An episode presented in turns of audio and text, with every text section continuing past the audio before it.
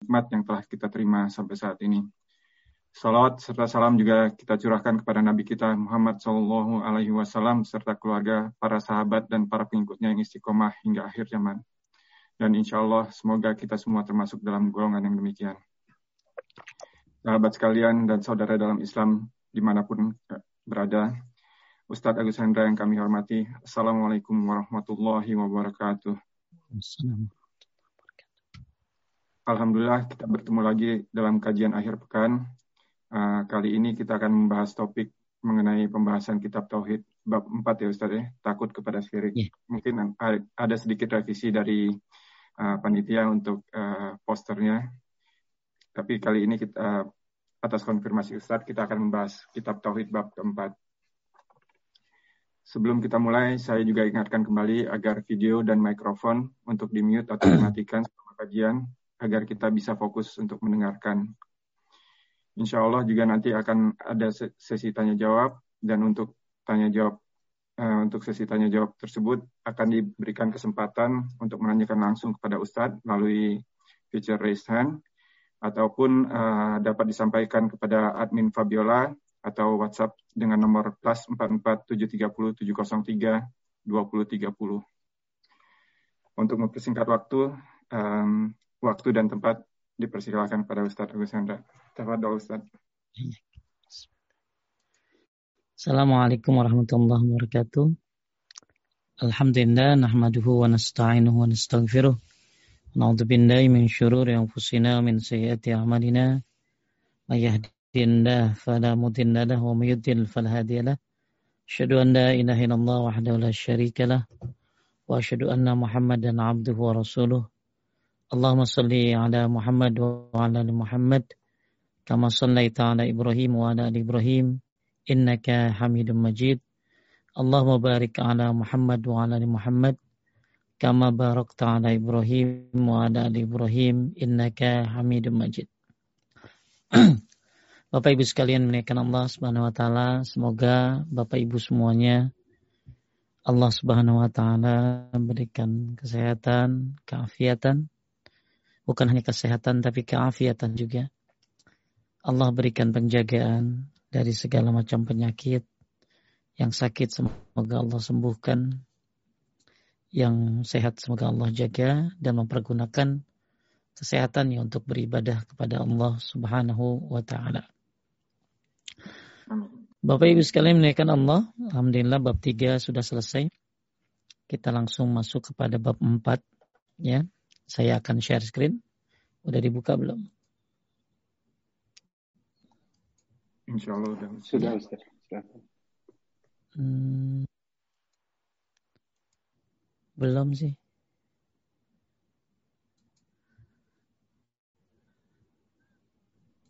Oh maaf Ustaz. Oke udah baru bisa. Ya. ya. Kepada para pengurus uh, Paduka, mudah-mudahan istiqomah di atas tauhid dan sunnah. Mudah-mudahan terus menyebarkan syiar dakwah tauhid dan sunnah Semoga ini jadi amal jariah. Bahkan mudah-mudahan bisa diteruskan kepada anak-anak dan cucunya. Dan Alhamdulillah ya banyak sekali peminat-peminat dari dalam dan luar negeri dalam untuk kajian paduka ini. Semoga istiqomah buat para pengurus insya Allah. Bapak Ibu sekalian dimuliakan oleh Allah Subhanahu wa taala. Uh, sebelum kita mulai pembahasan tentang bab 4 takut terjatuh pada kesyirikan Sebelumnya saya akan ungkapkan satu perkataan dari Allamah Taqiyuddin Al-Hilani. Beliau mengatakan tentang pentingnya kita terus belajar tauhid. Kitab tauhid kata beliau tidak cukup untuk engkau baca sekali. Ini peringatan buat semuanya. Kitab tauhid tidak hanya cukup engkau baca sekali. Tidak hanya satu kajian ya. Anda bisa tambah kajian-kajian dari ustadz-ustadz sunnah yang membahas tauhid seperti Ustadz Firanda dan ustadz-ustadz sunnah lainnya. Anda juga bisa baca buku-buku tauhid ya dari ulama-ulama yang terpercaya atau kalau Anda tidak mau baca yang lain ya sudah yang ada di dalamin aja. Yang ada di dalamin aja. Karena gak sedikit orang belajar tauhid itu cepat bosan. Maunya ganti kitab, maunya ganti kitab. Padahal belum ngerti juga. Belum paham juga, belum hafal juga. Maka kata Anda Taqiyuddin Al-Hilali, kitab Tauhid tidak cukup untuk kau baca sekali. Bahkan seharusnya kau baca terus menerus setiap kali engkau hatamkan, kembali engkau mulai dari awal. Dan seperti itulah aku melakukan. Hal itu kenapa? Jadi selesai baca bahas lagi, selesai baca lagi, selesai baca lagi. Kenapa? Hal itu karena manusia itu selalu perlu kepadanya. Kenapa selalu dibaca? Karena selalu kenapa selalu diulang-ulang? Karena begitu butuhnya manusia kepada kepada tauhid. Bahkan kalau kita lihat kata Imam Ahmad, manusia itu ahwaj kepada ilmu itu lebih daripada kebutuhan kepada makan dan minum. Orang makan minum sehari dua atau satu kali, tapi ilmu dia akan butuhkan setiap tarikan nafasnya. Apalagi ilmu tauhid. Maka kenapa harus diulang-ulang? Ya, hatam balik lagi, hatam balik lagi. Karena manusia begitu butuh kepadanya. Ya, kenapa? Tujuannya adalah supaya dengan belajar ilmu tauhid ini yang muwahhid bertambah yakin. Jadi dengan diulang-ulang maka akan bertambah keyakinan. Yang kedua bertambah kokoh tauhidnya.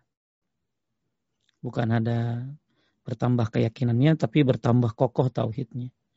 Kemudian yang ketiga yang musyrik meninggalkan syiriknya. Jadi kita majmu rasail. Nah, ini sedikit perkataan motivasi buat semuanya untuk tidak bosan belajar tauhid terus, tauhid terus, tauhid terus, insya Allah. Ya, kita akan lakukan itu dan mudah-mudahan kajian paduka istiqomah dalam menyelenggarakan tauhid siapa pun ustadznya, semoga dimudahkan untuk terus mengajarkan tauhid insya Allah. Bapak Ibu sekalian menaikkan Allah, kita masuk pada bab 4, tak, takut terjatuh kepada kesyirikan.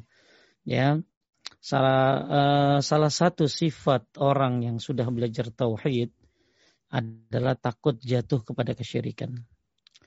Ya, takut jatuh kepada kesyirikan ini sangat penting. Karena ketika orang jatuh kepada kemaksiatan yang dulu, misalnya dulu dia uh, melakukan zina, kemudian melakukan lagi, ya dosa, dosa besar akan tetapi dosanya masih di bawah syirik. Kalau orang takut kembali pada masa lalu yang penuh dengan perzinahan, orang takut masa lalu kembali kepada minuman khamar, orang takut kembali ke masa lalu dalam pergaulan bebasnya, maka ketakutan terhadap syirik harus lebih jauh lagi dia takutnya. Ya, karena syirik ini bisa menyebabkan hilang amalnya, syirik ini bisa menyebabkan ya dia masuk ke dalam neraka naudzubillah. Oleh karena itu, pada bab ini kita akan bahas tentang takut terjatuh pada kesyirikan. Uh, syirik yaitu menyekutukan Allah sangat bertentangan dengan tauhid. Syirik terbagi menjadi dua jenis, ya. Syirik terbagi menjadi dua jenis. Syirik besar dan syirik kecil. Kita sudah bahas ini. Ya, syirik besar dan syirik kecil. Ya, syirik besar seperti apa? Boleh dibaca Kang Roland?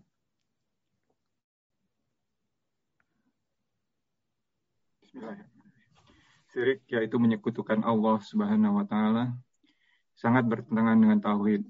Syirik terbagi menjadi dua jenis, syirkul akbar atau syirik besar dan syirkul asgar atau syirik kecil. Pertama, syirik besar atau syirik akbar Maksudnya adalah mempersekutukan atau mempersembahkan salah satu jenis peribadatan kepada selain Allah Subhanahu wa taala. Maka itulah setiap keyakinan, perkataan maupun perbuatan yang disyariatkan oleh Allah yang dipersembahkan kepadanya tabaraka wa taala semata maka ini akan maka ini adalah tauhid, keimanan dan keikhlasan. Namun jika dipersembahkan kepada selain Allah, maka ini adalah kesyirikan dan kekufuran. Seperti orang yang menjadi tandingan menjadikan tandingan bagi Allah, ia berdoa kepada selain Allah, takut terhadapnya, berharap atau mencintainya sebagaimana kecintaan kepada Allah, dan seterusnya. Demikian itulah kesyirikan yang tidak menyisakan tauhid sedikit pun.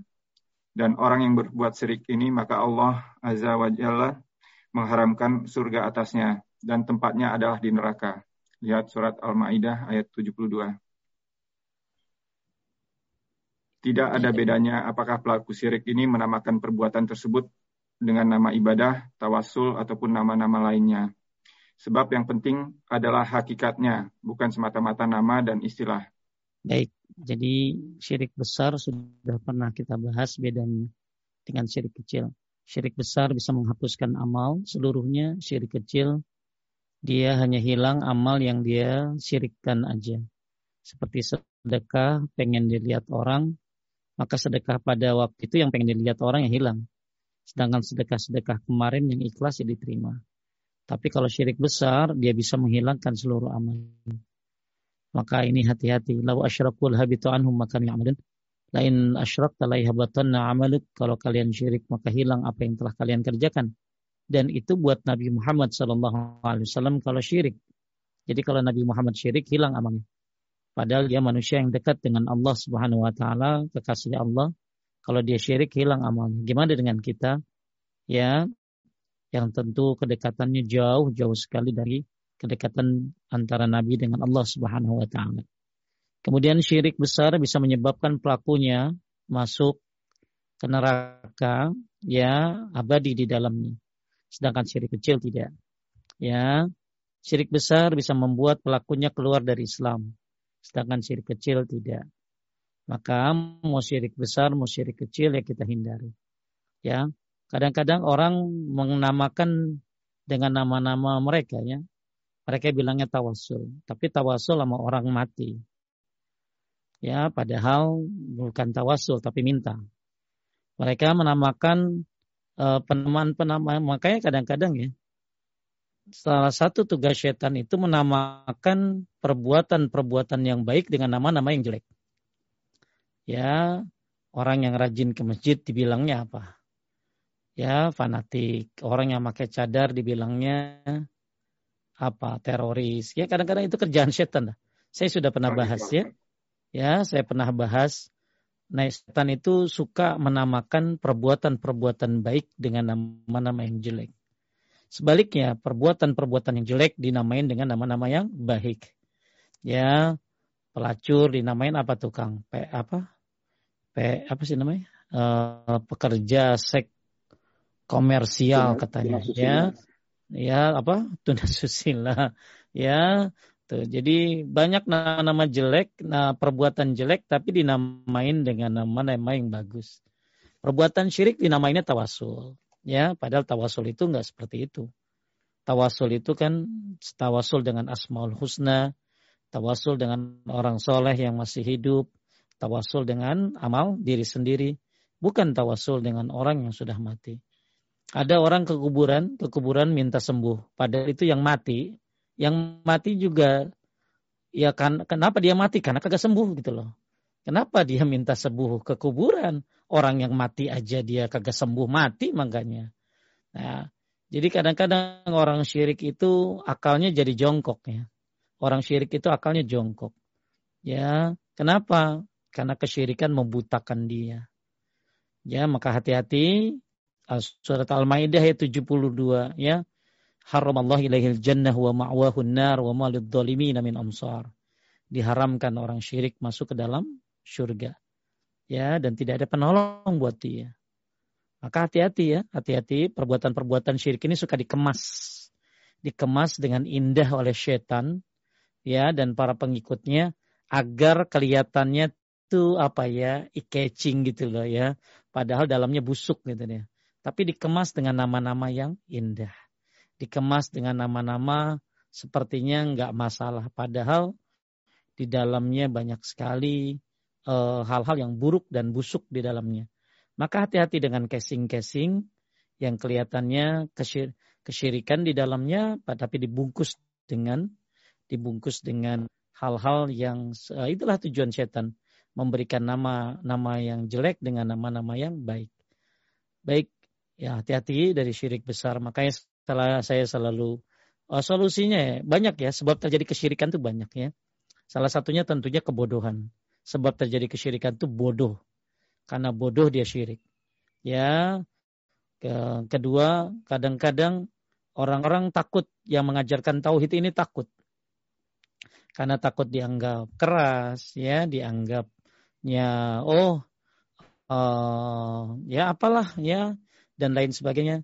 Sehingga kadang-kadang mau ngajarin tauhid itu orang lihat manusia ya takut ya padahal harus disampaikan tauhid ini adalah nikmat dari Allah yang harus disampaikan dengan cara yang baik tentunya ya dengan cara yang baik dan tentunya sabar dalam berdakwah. Jadi banyak sebab-sebab terjadi kesyirikan. Salah satunya kuburan yang dimanipulasi atau di apa di kuburan yang dijadikan sarana untuk mencari uang ya uh, dan lain sebagainya dan lain sebagainya terlalu banyak sebab-sebab kesyirikan. Nah, uh, ini uh, syirik yang pertama yaitu syirik besar. Yang kedua adalah syirik kecil. Maksudnya adalah segala keinginan, perkataan maupun perbuatan yang tidak mencapai tingkat ibadah, tetapi menjadi perantara kepada syirik akbar atau syirik besar. Ya, seperti gulu, berlebihan kepada makhluk. Hati-hati ya, berlebihan kepada makhluk, baik itu nabi. Gak boleh berlebihan sama nabi aja gak boleh. Ya? Datatruni kama atrati Isa bin Maryam fakulu Abdullah wa Rasuluh. Jangan kau sanjung puji aku berlebihan seperti dipujinya Isa bin Maryam. Katakanlah aku adalah hamba Allah dan Rasulnya. Nabi nggak mau ya manusia berlebihan kepada beliau sampai-sampai seolah-olah Nabi eh, apa seolah-olah derajatnya udah kayak Allah ini nggak boleh berlebihan kepada wali apalagi orang soleh juga nggak boleh kiai, ustadz atau siapa pun nggak boleh berlebihan. Karena berlebihan ini inilah yang menyebabkan umat Nabi Nuh yang berlebihan kepada kiai-kiainya yang akhirnya lama-lamanya kiainya disembah. Seperti apa lagi bersumpah dengan nama selain Allah, hati-hati. Ya, bersumpah dengan nama selain Allah. Kata Ibnu Mas'ud, aku bersumpah dengan nama Allah tapi berbohong. Itu lebih baik daripada bersumpah dengan nama selain Allah tapi benar. Ya kalau dia bersumpah dengan nama Allah bohong, maka kafaratnya kafaratnya adalah puasa tiga hari. Ya, kasih makan sepuluh orang, kasih baju sepuluh orang. Itu kalau orang bersumpah dengan nama Allah tapi bohong. Ya demi Allah, saya belinya dari Tanah Abang 50 ribu. Ya padahal nggak segitu. Dia dia bersumpah dengan nama Allah tapi bohong. Maka kafarat dia bayar tuh. Ya, apa tadi Roland kafaratnya? Uh, puasa tiga hari, kasih puasa makan tiga hari, kasih uh, makan atau memberikan pakaian. 10 orang kasih pakaian, sepuluh orang pakaian ya. Nah, tapi kalau dia bersumpah dengan nama selain Allah, itu ah, itu syirik, ya, itu syirik. Apalagi ria, ya, ria ini akan kita bahas pada bab ini ria ini di bab 4 ini ya. Kemudian dan dan yang lainnya, ya. Maka hafalkanlah dua macam kesyirikan ini akan membantu dan memahami bab-bab sebelumnya maupun bab setelahnya. Jadi kesimpulannya uh, Ustadz Yazid memberikan uh, prolog tentang masalah takut terjatuh pada kesyirikan ini. Saya ulangi ya bahwa sifat orang yang belajar tauhid harus takut terjatuh pada kesyirikan. Termasuk orang yang bertobat ya. Orang bertobat itu harus punya sifat takut kembali kepada masa lalu. Takut uh, orang yang udah bertobat itu ya harus takut balik ke masa lalu tuh. Maksudnya masa lalu yang penuh dengan dosanya. Maka itu pun sama, apalagi dalam masalah kesyirikan. Orang yang pernah syirik harus takut, ya merasa takut dalam uh, untuk kembali kepada kan atau dia takut terjerumus dalam kesyirikan. Maka ini sifat yang bagus, ya sikap sifat yang bagus. Nah syirik ini ada dua syirik besar dan syirik kecil, ya. Kemudian kita akan bahas pada ayat yang pertama, surat An-Nisa ayat 48 dan 116. Inna Allah la yaghfiru ayyushraka bihi wa yaghfiru maduna zalika liman yasha. Sesungguhnya Allah tidak akan mengampuni dosa karena mempersekutukannya atau syirik dan dia mengampuni dosa yang selain dari syirik bagi siapa yang dikehendaki. Nah, ini penting buat kita pelajari. Ya, jadi ayat ini surat An-Nisa ayat 48 dan 116 dijadikan dalil bahwa hati-hati dengan dosa syirik karena disebut kan di sini Allah tidak akan mengampuni dosa syirik. Ya, tapi dia mengampuni dosa selainnya bagi yang dia kehendaki. Saya ulangi, di surat An-Nisa ayat 48 dan 116 Allah berfirman, Allah tidak mengampuni dosa yang mempersekutukannya. Ya, Allah tidak mengampuni dosa orang yang melakukan syirik. Dan Allah mengampuni dosa selain daripada itu bagi yang dia kehendaki. Pertanyaannya, Lalu gimana Pak Ustadz? Saya kan dulu pernah syirik. Siapa? Emang Kang Roland nggak pernah baca ramalan bintang gitu? Dulu, dulu. Ya. Iya kan kalau bicara dulu mah nggak ada yang benar tuh. Ya. Oh, dari mulai hal-hal kesyirikan ya banyak lah ya di Indonesia ya. Percaya ini, percaya itu, percaya ini bawa sial. Rumah tusuk sate bawa sial ya. Uh, tahu yang tusuk konde kayak apa ya.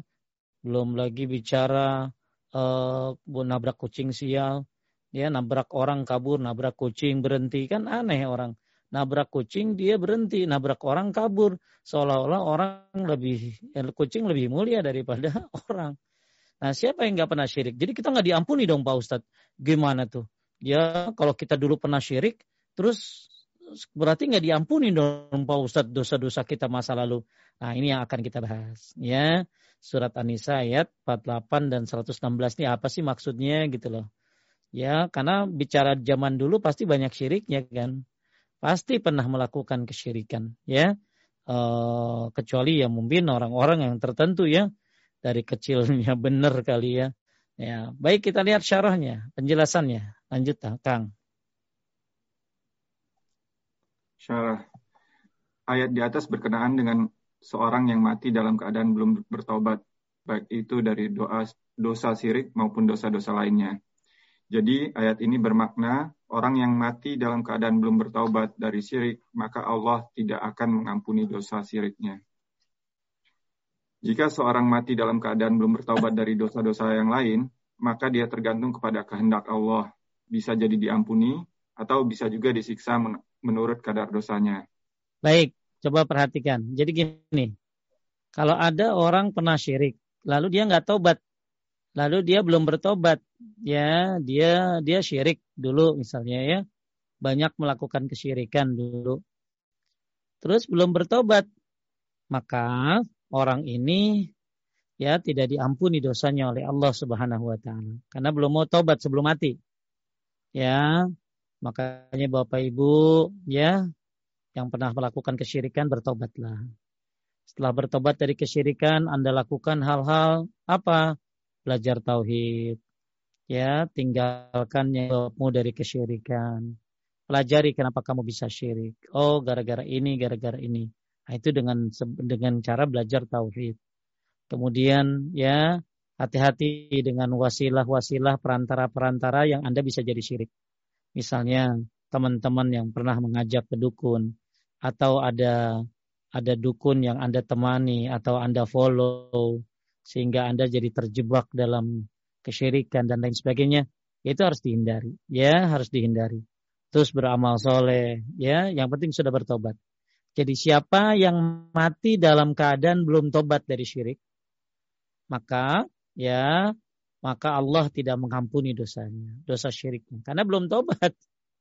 Tapi kalau yang udah tobat diampuni. Kalau yang udah tobat diampuni. Ya, ya walaupun syirik.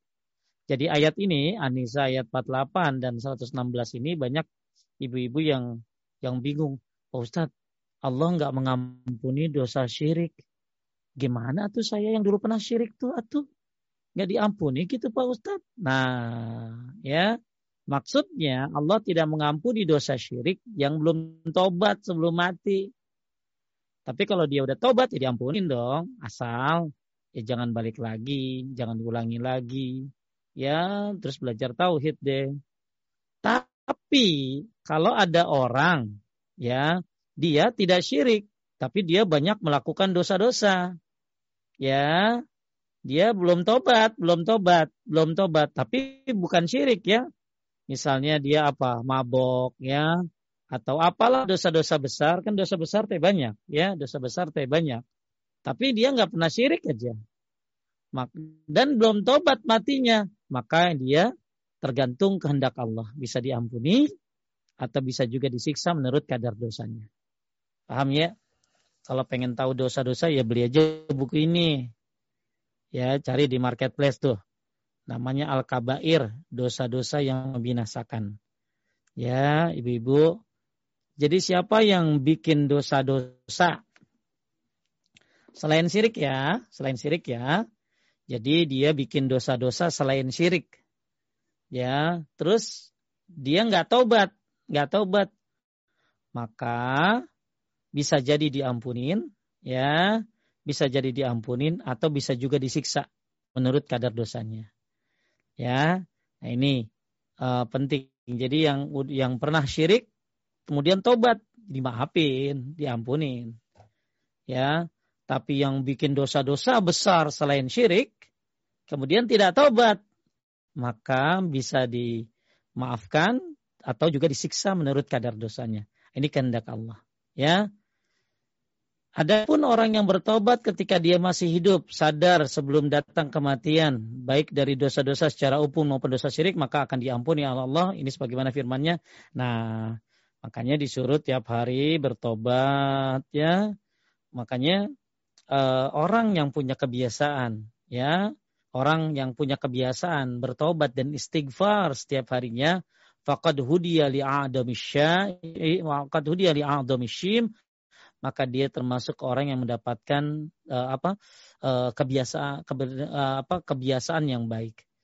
Makanya kita disuruh setiap hari tobat, istighfar, baca astagfirullah wa atubu ilaih seratus kali, baca sayyidul istighfar pagi sore, masih kurang juga lagi sholat baca Allahumma ba'id baini wa baina khotoyaya, lagi doa iftitahnya, masih kurang juga lagi sujud, lagi ruku baca subhanaka Allahumma rabbana wa bihamdika Allahumma firli tambahin lagi Allah magfirli zanbi kullahu dikkahu wa jillahu wa awalahu wa akhirahu wa alaniyatahu wa sirrahu. Ya Allah ampunilah dosaku semuanya yang besar yang kecil yang awal yang akhir yang kelihatan dan yang tidak kelihatan. Duduk antara dua sujud dia baca rabbik firli rabbik firli Terus apalagi sebelum salam dia minta ampun lagi. Allah ini dalam tu nafsi dulman kasiron. Banyak banget jadi kalau Anda bertobat kepada Allah jangan tanggung-tanggung ya. Ya, uh, bukan hanya sekedar ungkapan saya bertobat, saya minta maaf, saya nggak mau balik lagi, tapi Anda juga barengi dengan amal-amal soleh, di antaranya adalah zikir-zikir penunjang tobat, ya.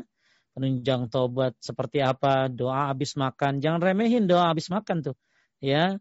Doa habis makan itu kan bisa ngapusin dosa juga, ya. Ya, apa?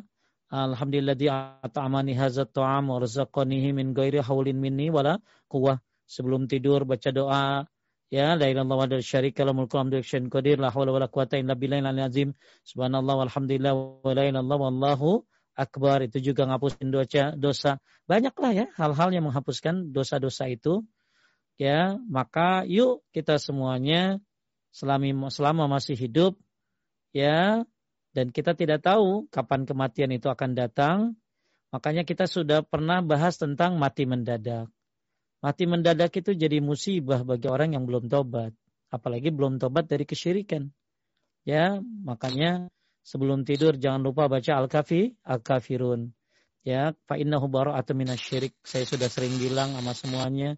Sebelum tidur jangan lupa baca Al-Kafirun. Ya, Kemudian juga baca doa ini Allahumma auzubika an usyrika bika wa ana alam wa astaghfiruka lima la a'lam itu bagus juga dibaca kapan aja itu mah agar terhindar dari kesy kesyirikan.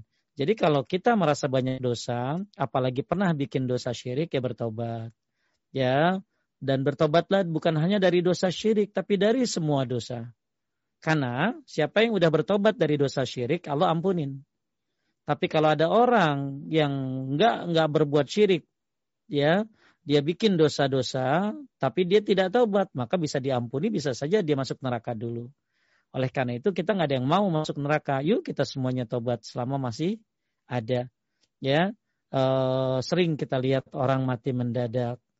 Ya, sering kita lihat orang ya berita-berita yang mati mendadak. Mati mendadak ini jadi musibah, azab bagi orang yang belum bertobat apalagi belum bertobat dari kesyirikan naudzubillah min zalik. Nah, oleh karena itu buat yang banyak dosa hendaklah dia tidak putus asa. Kata Abu Bakar As-Siddiq, "Innallaha yaghfiruz dzunub, Allahu innallaha yaghfirul yaghfirul kabair, fala tayasu wa yu'azibus sagair fala tagtarru. Allah bisa mengampuni dosa-dosa besar, maka janganlah putus asa. Dan Allah bisa saja mengazab dosa-dosa kecil, maka jangan jangan jangan tertipu oleh dosa-dosa kecil. Jadi kita taubati semua dosa, baik yang besar ataupun yang kecil. Tentunya yang paling besar adalah syirik kepada Allah Subhanahu wa taala kita taubati. Dengan cara apa ya tadi? Belajar tauhid, baca kuliah sebelum tidur, ya, baca doa-doa yang diajarkan oleh Nabi, wajidumni wabaniya na'budal asnam ya kata Nabi Ibrahim. Pokoknya kalau Anda taubatnya benar-benar coba cari deh amalan-amalan yang menghapuskan dosa. Ya, di antara kalimat la ilaha illallah juga adalah menghapuskan dosa. Banyak banget lah, ya. Nah, apa ayat yang menunjukkan kalau Allah mengampuni dosa syirik? Ya, ini ayatnya Kang Roland. Qul ya ibadiyan ladina asrafu ala anfusihim La taqnatu min rahmatillah. Innallaha yaghfiru dzunuba jami'an. Innahu huwal ghafurur rahim. Artinya Kang. Katakanlah, wahai hamba-hambaku yang melampaui batas terhadap diri mereka sendiri. Janganlah kamu berputus asa dari rahmat Allah. Sungguhnya Allah mengampuni dosa-dosa semuanya. Sungguh, dialah yang maha pengampun, maha penyayang. Ya, masya Allah ya. Nah, ini salah satu ayat ya, salah satu ayat yang eh, apa? Ayat ini eh, menyebutkan bahwa wahai hamba-hambaku yang melampaui batas. Ya, sebentar. Wahai hamba-hambaku yang melampaui batas. Ya, Janganlah kamu berputus asa dari rahmat Allah. Sesungguhnya Allah mengampuni dosa-dosa semuanya. Ada yang saya ijoin kelihatan gak Kang? Ada yang saya ijoin ya. Ah, Allah mengampuni dosa-dosa semuanya. Tuh, dosa-dosa semuanya. Di sini ada kalimat dosa-dosa semuanya. Maka termasuk syirik. Asal udah tobat. Ya, sungguh dialah yang maha pengampun lagi maha penyayang. Jadi kalau ditanya, Kang Roland, apa sih ayat yang menyebutkan kalau dosa syirik diampunin kalau dia ada taubat, Az-Zumar 53. Az-Zumar 53. Tapi kalau ayat yang menyebutkan syirik tidak diampuni apa? An apa tadi?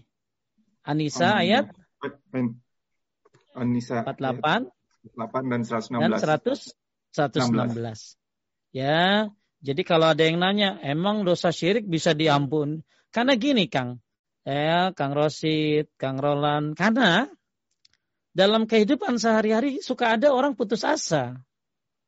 Suka ada orang yang putus asa karena banyaknya dosa-dosanya.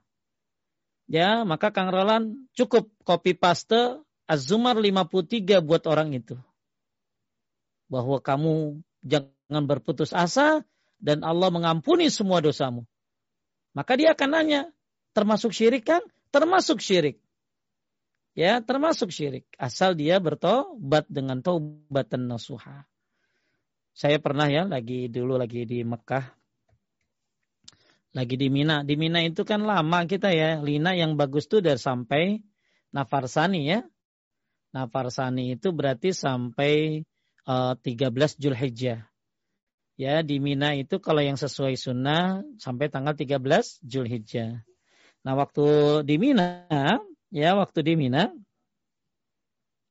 ada seorang istri yang bercerita kepada saya tentang bejatnya suaminya. Jadi dia menceritakan bagaimana cara nasehatin ya, cara nasehatin siapa? Cara nasehatin suaminya. Supaya apa? Supaya bertobat kepada Allah Subhanahu wa taala. Maka akhirnya diceritain lah, saya ketemu lah sama bapaknya ya emang oh, luar biasa Kang. Kalau katanya sih mukul orang aja udah nggak ada rasa kali gitu loh. Nggak ada rasa kasihan ya karena emang kerjaannya hubungannya dengan hal-hal kekerasan. Emang kalau lagi haji tuh ini ya unik gitu ya, unik ketemu macam banyak orang gitu loh. Ya ketemu dengan berbagai macam orang. Nah biasanya yang nggak yang benar-benar yang udah soleh, yang ngajak ngaji kayak Kang Rasid, Kang Roland, yang udah ngaji itu ditaruhnya di bis dua, di bis dua. Kalau yang aki-aki yang udah tua-tua ditaruhnya di bis satu di travel saya mah. Ya biasanya di aki-aki yang udah tua-tua ditaruhnya di bis satu. Kenapa? Ada dokter di situ di bis satu. Kalau yang udah ngaji, yang udah soleh itu ditaruhnya di bis dua. Nah kalau yang bejat-bejat, yang ancur-ancur ditaruhnya di saya biasanya bis tiga. Ya biasanya yang yang yang masih dalam masa percobaan benar ditaruhnya di saya. Nah termasuk si bapak itu ya masalah tuh. Suatu malam ya suatu malam si bapak itu saya lagi di hotel transit ngelihat bapak itu lagi nangis ya lagi sholat nangis dia di tengah kegelapan ya tengah jadi saya naik lift terus uh, jalan ya nggak tahu pokoknya kelewatin musola gitu ternyata ada si bapak itu lagi nangis lagi nangis dia. Terus kemudian saya saya SMS deh ya. Atau zaman dulu nggak tahu udah WA apa kagak. SMS kalau salah. Ya itu tadi yang saya SMS itu surat apa? Az-Zumar ayat 53 ya. Ya Kang baca ini Kang. Ya. Ya supaya orang nggak putus asa. Jangan suka bikin putus asa orang ya. Jangan suka bikin putus asa orang. Datang orang ke Kang Roland. Kang Roland dosa saya banyak banget. Saya ini. Ah lu mah masuk neraka aja aja lu hancur lu mah jangan ya. Jangan ya. Jangan digituin ya. Ah, lu mah udah hancur banget memang udah neraka aja jangan. Ya justru kita kasih motivasi kamu mau bertobat. Yakin ya kalau kamu mau bertobat Allah hapuskan semua dosa-dosa kamu. Asal kamu benar-benar bertobat. Ya ah, ini dalilnya. Surat Az-Zumar ayat 53 jadi Bapak Ibu sekali menaikkan Allah yang merasa pernah banyak dosa berlimpah ruah. Sampai ada ulama, ada orang bilang gini Kang. Ya dia bilang begini, ya Allah ampunilah dosa-dosaku yang banyak dengan sedikit dari ampunanmu ya Allah. Ampunilah dosa-dosaku yang banyak dengan sedikit dari ampunanmu ya Allah. Maka kata Hasan al-Basri, kalau itu bisa ditulis dengan tinta emas akan aku tulis tinta emas kata kalimat-kalimat tersebut. Jadi dia minta ampun kepada Allah dari dosa-dosanya dengan ya Allah ampunilah dosaku dengan sedikit dari ampunanmu. Karena ampunan Allah itu begitu luas. Bahkan Allah itu menunggu ya. Inna Allah yakbir eh, bin yatuba eh, apa dalam sebuah riwayat disebutkan Allah itu menunggu orang yang berbuat dosa di waktu eh, ya siapa yang berbuat dosa di waktu siang ditunggu di malam hari. Ya, Siapa yang berbuat dosa di malam hari ditunggu di waktu siang. Ya, dan Allah menerima taubat seseorang selama belum sampai tenggorokan. Ya, ya Allah inna Allah ya yabsutu yadahu bil yatuba musian nahar. Ya, dan Allah itu uh, apa? Uh, apa uh, apa menghitungkan tangannya ya uh, apa kayak apa kayak pokoknya Allah Subhanahu wa taala menunggu hambanya yang mau bertobat di di malam yang bertobat di siang hari ditunggu di malam hari. Yang bertobat di malam hari ditunggu di siang hari. Masya Allah. Ya Rahman Rahimnya Allah. Ya Allah Subhanahu wa taala memaafkan kalau kita benar-benar mau mau bertobat. Bahkan bahkan ketika ada orang bertobat kepada Allah Subhanahu wa taala ketika ada manusia yang bertobat kepada Allah Subhanahu wa taala, maka senangnya Allah kepada orang senangnya Allah lebih daripada senangnya orang yang bawa kendaraan onta ya di padang pasir semua barang-barangnya ada di atasnya makanannya minumnya bajunya semua ada di atasnya. Kemudian onta itu kabur di padang pasir ditinggalin tuh sendirian. Kemudian dia putus asa dia bingung ke mana dia pulang ontanya nggak ada, putus asa dari padang pasir. Kemudian tiba-tiba datang dari jauh, ontanya datang menghampiri dia. Kayak apa senangnya orang? Coba, Kang. Di padang pasir sendirian. Kagak ada bekal, kagak ada air, ontanya kabur. Semuanya ada di ontanya. Sendirian dia tuh. Tiba-tiba lagi putus asa begitu. Datang ontanya menghampirinya senangnya luar biasa. Saking senangnya dia ngomong begini Kang. Ya Allah, engkau hambaku dan aku adalah Robmu. Saking senangnya. Itu orang ngomong terbalik. Saking senangnya ngomong terbalik. Ya, Ya Allah, engkau uh, hambaku, aku robmu, saking senangnya. Dan senangnya Allah lebih daripada itu kepada orang yang bertobat. Senangnya Allah kepada orang yang bertobat lebih daripada itu.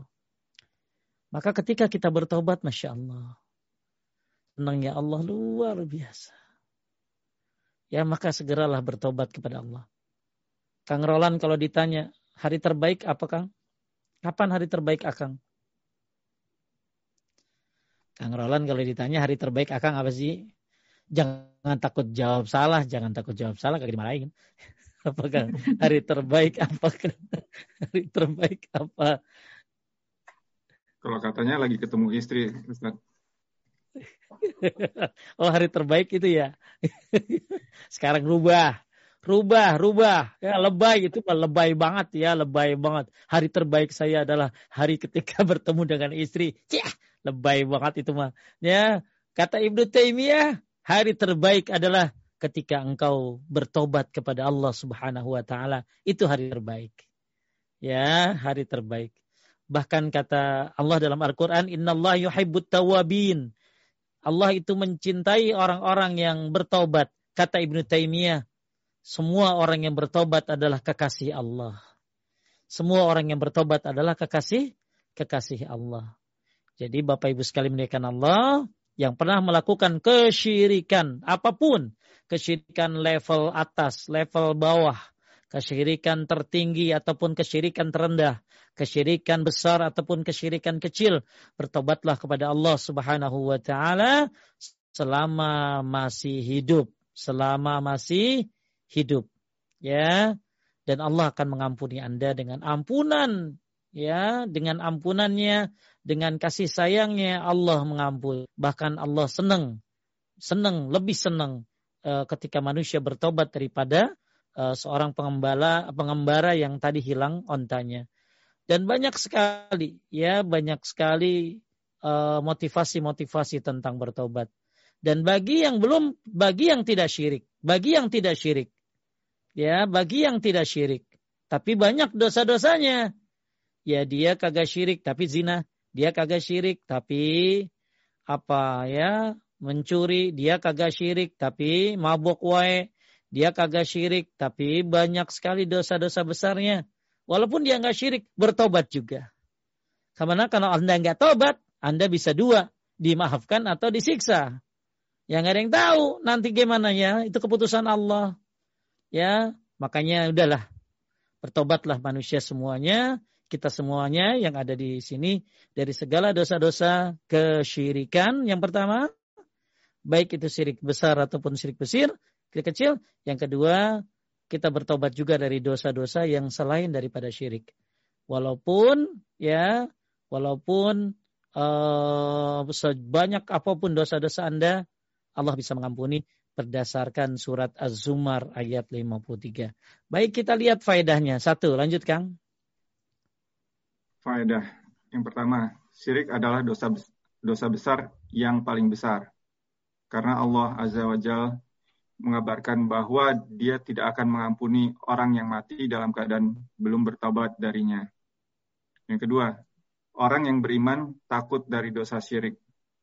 Yang ketiga, dosa-dosa selain syirik bila pelakunya mati dan belum bertaubat, maka dia berada di bawah kehendak Allah Azza wa Jal.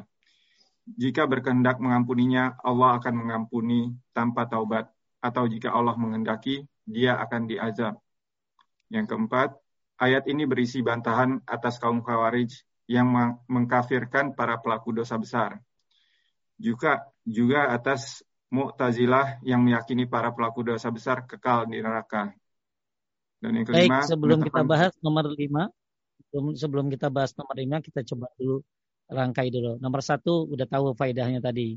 Jadi syirik dosa besar yang paling besar, kezoliman yang paling besar, ya. Maka uh, jangan sampai kalian mati dalam keadaan syirik. Jadi harus sudah taubat, ya. Kalau anda nggak taubat, ambiar anda, ya di dunia ambar, di atas juga ambiar, nauzubillah. Kemudian orang yang beriman harus takut dari syirik. Jadi siapa pun yang udah belajar tauhid, ya harus takut dari dosa syirik. Ah takut ah takut syirik. Ah bagus tuh kayak gitu tuh. Ya saya pernah Kang Saya Kang pernah lagi motokopi. lagi motokopi. Saya punya tulisan judulnya Bahaya-bahaya syirik. Lalu kata tukang fotokopi bilang begini, iya nih Pak Ustadz, kudu dibahas ini biar ibu-ibu nggak iri sama orang, nggak syirik sama orang lain, sama yang punya rumah, sama yang punya mobil nggak syirik. Dia sangka syirik itu iri kali. Ya, jadi syirik itu bukan iri, bukan bukan iri dengki, bukan. Syirik ini menyekutukan Allah. Jadi orang yang beriman harus punya rasa takut dari syirik. bahkan ketika kita tanda diterima taubat, ya salah satu tanda diterima taubat kata ulama adalah dia takut kembali kepada dosa yang lama. Ya, atau dia takut kembali kalau masalah syirik dia harus takut pada kembali kepada syirik. Jadi yang dulu pernah syirik ya takut jangan sampai balik lagi. Makanya ajarin anak-anaknya jangan pernah sampai melakukan kesyirikan seperti kita. Kemudian ya kalau dosa-dosa selain syirik tadi udah dibahas, yaitu dia nggak pernah dia nggak syirik tapi dosa-dosanya banyak dosa-dosa besarnya. Apa aja Pak Ustadz dosa-dosa besar? Nah ini lihat nih. Dosa-dosa besar selain syirik ya. Dosa-dosa besar selain syirik. Misalnya meninggalkan sholat. Ya, pernah meninggalkan sholat. Itu kan dosa besar meninggalkan sholat tuh ya dia pernah meninggalkan sholat. Kemudian tidak mau bayar zakat. Ini kan dosa besar juga tuh. Ya membunuh itu dosa besar juga. Jadi dia nggak pernah syirik. Kalau syirik kan dosa besar nomor satu tuh. Nah sekarang dia nggak pernah syirik, tapi dia banyak dosa-dosa besar. Maka dia harus taubat juga. Kenapa? Karena kalau dia nggak taubat, sedangkan banyak dosa-dosa besarnya selain syirik, maka dia bisa diampuni, bisa saja diazab. Apa aja dosa-dosa besar tuh? Ya, membunuh, ya, meninggalkan sholat, durhaka kepada orang tua, tidak bayar zakat, makan riba, makan harta anak yatim, berdusta atas nama Nabi, membatalkan puasa Ramadan tanpa uzur. Jadi puasa Ramadan dia batal, kagak ada uzur, dia batal. Itu dosa besar termasuk. Lari dari medan perang, berzina, ya, kemudian minum homer, sombong, takabur, ujub, angkuh, saksi palsu, homosek, menuduh wanita baik-baik berzina, e, mencuri, merampok, sumpah palsu, e, banyak banget tukang lanat, istri durhaka, e, mutusin silaturahim, ngadu domba, banyak bah ya banyak bet ini mah judi, dan lain sebagainya, kurang lebih ada 76. Maka saya sarankan ibu-ibu beli buku ini bagus ya, namanya Al-Kabair. Kalau bisa ada penjelasannya dari Syekh Utsaimin, penerbit dari sunnah.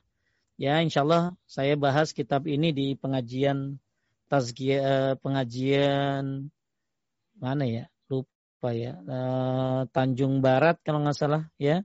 Uh, pembahas uh, Uswatun Hasanah ya uh, pengajian Uswatun Hasanah bahas bahas bahas kitab ini. Jadi uh, itu nomor tiga ya. Jadi walaupun dosa-dosa besar dosa syirik anda nggak ada, tapi dosa besar banyak, ya kudu taubat atuh ya daripada di, takutnya nanti diazab. Kemudian ayat ini, ayat Az-Zumar ayat berapa? 53. Ini bantahan buat orang-orang Khawarij. Kenapa? Karena orang-orang Khawarij, Kang, orang-orang Khawarij itu mengkafirkan para pelaku dosa besar. Jadi orang-orang khawarij itu mengkafirkan orang yang melakukan dosa-dosa besar, dosa-dosa yang saya sebutin tadi tuh. Dosa-dosa yang saya sebutin tadi tuh yang ada 70-an tuh. Ya, jadi dosa-dosa besar tuh ada 70-an tuh. Jadi orang-orang khawarij ya, orang-orang yang suka mengkafirkan itu dia mengkafirkan orang-orang yang berbuat dosa besar. Ya, sedangkan orang-orang Mu'tazilah dia meyakini para pelaku dosa besar itu di neraka kekal. Ya, kalau di ahli sunnah wal jamaah tidak seperti itu. Jadi orang yang um, pelaku dosa besar bisa diampuni kecuali syirik. Syirik pun bisa diampuni asal dia bertobat bertobat kepada Allah Subhanahu wa taala, ya.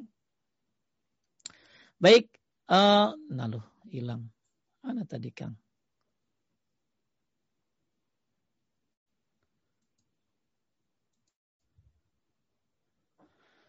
Baik, lanjut ya. Pendapat pendapat pen, nomor lima. Lanjut, Kang. Yang kelima, penetapan sifat masyiah atau kehendak bagi Allah tabaraka wa taala. Imam Ibnul Qayyim rahimahullah menjelaskan berbagai hikmah dari tidak diampuninya dosa syirik. Beliau berkata, tatkala syirik merupakan kezaliman yang paling zalim, kejelekan yang paling jelek, dan kemungkaran yang paling mungkar, maka kesyirikan menjadi perkara yang paling dibenci oleh Allah paling tidak disukai dan paling dimurkai olehnya. Hal ini dikarenakan, dikarenakan kesyirikan telah menganiaya hak rububiyah, mengurangi, mengurangi keagungan uluhiyah, dan berprasangka buruk terhadap Rob alam semesta alam. Ya, jadi kenapa sih di sini ada ada penetapan sifat masyiah. Masyiah itu kehendak Allah ya. Jadi Allah punya kehendak untuk orang yang berdosa-dosa besar selain syirik bisa dimaafkan, bisa diazab. Maka Allah punya sifat masyiah. Ya. Nah sekarang apa sih kenapa sih hikmahnya dosa syirik itu tidak diampuni? Intinya yang saya garis bawahi aja tuh. Ya karena kesyirikan menganiaya hak rububiyah. Mengurangi keagungan uluhiyah. Dan prasangka buruk terhadap Rob semesta alam. Inilah kata Ibnu Qayyim. Kalaulah mereka berprasangka baik dengannya, tentulah mereka akan mentauhidkannya. Betul nggak Kang? Kalau orang berprasangka baik sama Allah, mereka akan mentauhidkan Allah dengan sebenar-benar tauhid. Oleh karena itulah Allah mengabarkan tentang kaum musyrikin dalam tiga tempat dalam kitabnya.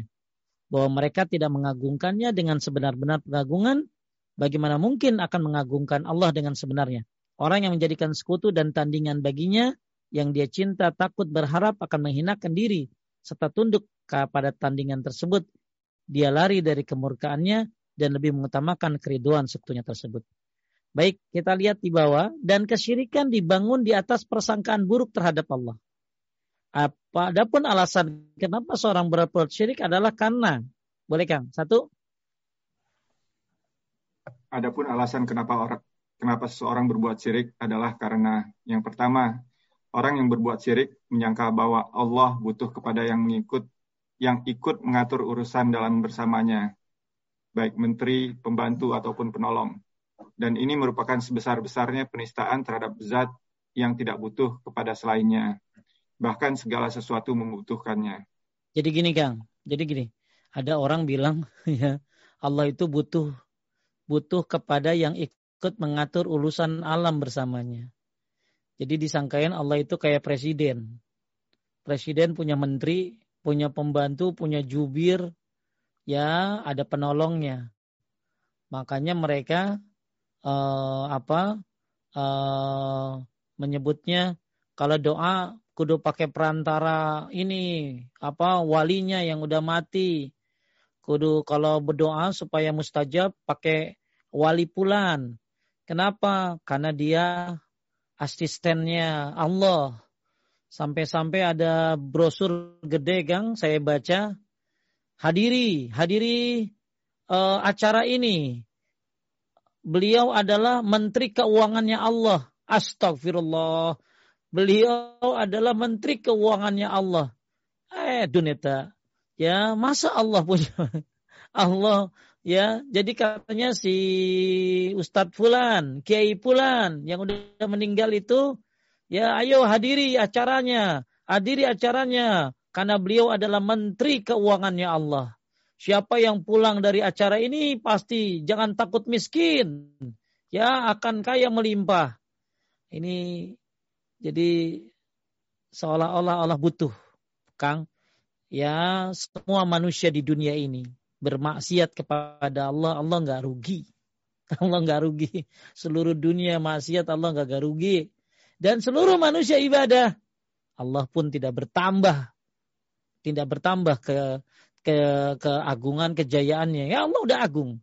Ya, uh, coba salah satu hikmah virus corona apa? Coba kita pikir deh. Mekah, Madinah ditutup. Mekah, Madinah ditutup. Waktu lagi wabah ya. Lagi wabah kenceng-kencengnya di Saudi, di dunia. Mekah, Madinah ditutup. Apa maksudnya? Kenapa Mekah dan Madinah ditutup? Ya, bahwa ini salah satu tanda bahwa Allah nggak butuh ibadah Anda. Ya, Allah nggak butuh ibadah Anda.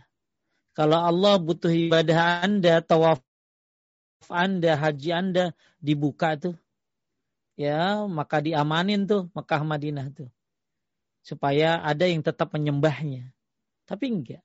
Seluruh dunia ini enggak ada yang ibadah sama Allah. Allah enggak rugi. Tapi kita yang rugi. Makanya kenapa sih orang bisa berbuat syirik? Ini alasannya salah satunya. Orang berbuat syirik menyangka bahwa Allah butuh kepada yang ikut mengatur urusan alam bersamanya. Jadi ada ada orang bilang gini kan, e, apa apa jadi si itu tuh ustadz itu tuh kiai itu tuh habib itu tuh dia itu tuh adalah uh, ikut mengatur alam Indonesia ini kurang kerjaan Allah butuh dia Allah nggak butuh dia Ya, saya pernah waktu itu ya, saya pernah uh, lagi zaman jahiliyah lah ya.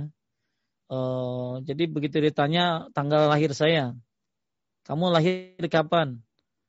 Saya lahir 16 Agustus, saya bilang.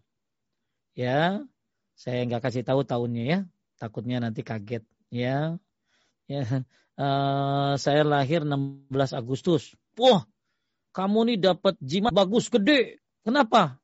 Karena tanggal 16 Agustus para wali-wali itu lagi berkumpul di gunung untuk merayakan 17 Agustus kata dia gitu. Dalam hati jadi jadi wali-wali dari berbagai negara kumpul oh, enggak, untuk merayakan ini dan itu.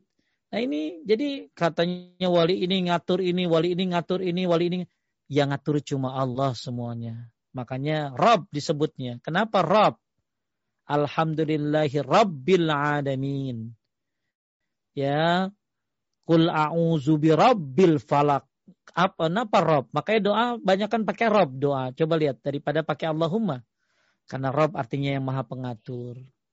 Jadi Allah yang mengatur semuanya. Ya. Jadi Allah nggak butuh, butuh manusia. Jadi jangan sampai berpikiran Allah itu kayak presiden, butuh ajudan. Kagak. Ud'uni astajib lakum. Bertanya, ber, memintalah padaku, berdoalah kepadaku. Aku akan kabulkan. Ya, Anda uh, kalau berdoa langsung sama Allah, silakan. Ya. Eh kalau doa, kalau doa harus harus lewat Kiai Anu biar mustajab. Coba sekarang gini, Bapak Ibu. Saya Akang saya tanya, Akang, Kang Roland, boleh nggak minta doa sama orang?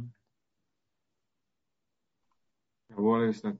Boleh nggak minta doa? Misalnya Kang Roland bilang sama saya, Ustaz doain saya dong, boleh nggak? Dia bingung. boleh nggak? Boleh nggak? Ustaz doain saya dong. Sama Muslim bukannya boleh ya Ustaz ya, tapi nah, bukan. boleh. Ya, Kang Roland ini terlalu hati-hati jawabannya. ya, ya, uh, boleh orang minta doa sama orang lain tuh boleh gitu loh. Tapi nggak boleh bilang begini. Jadi kalau saya minta doa Kang Roland doain saya ya. Tujuannya adalah supaya Kang Roland itu dapat doa dari malaikat. Karena siapa yang mendoakan orang lain, maka malaikat akan ada di atas kepalanya sambil mengatakan, lah kabimislik, kamu juga mendapatkan apa yang kamu minta dari jadi Kang Roland bilang, biar Ustaz Agus sehat ya. Maka malaikat ngomong, kamu juga dapat gitu loh. Jadi kalau Kang Roland doain orang-orang, ya Allah yang kena COVID biar sehat, maka malaikat berkata, kamu juga dapat. Itulah tujuan minta doa.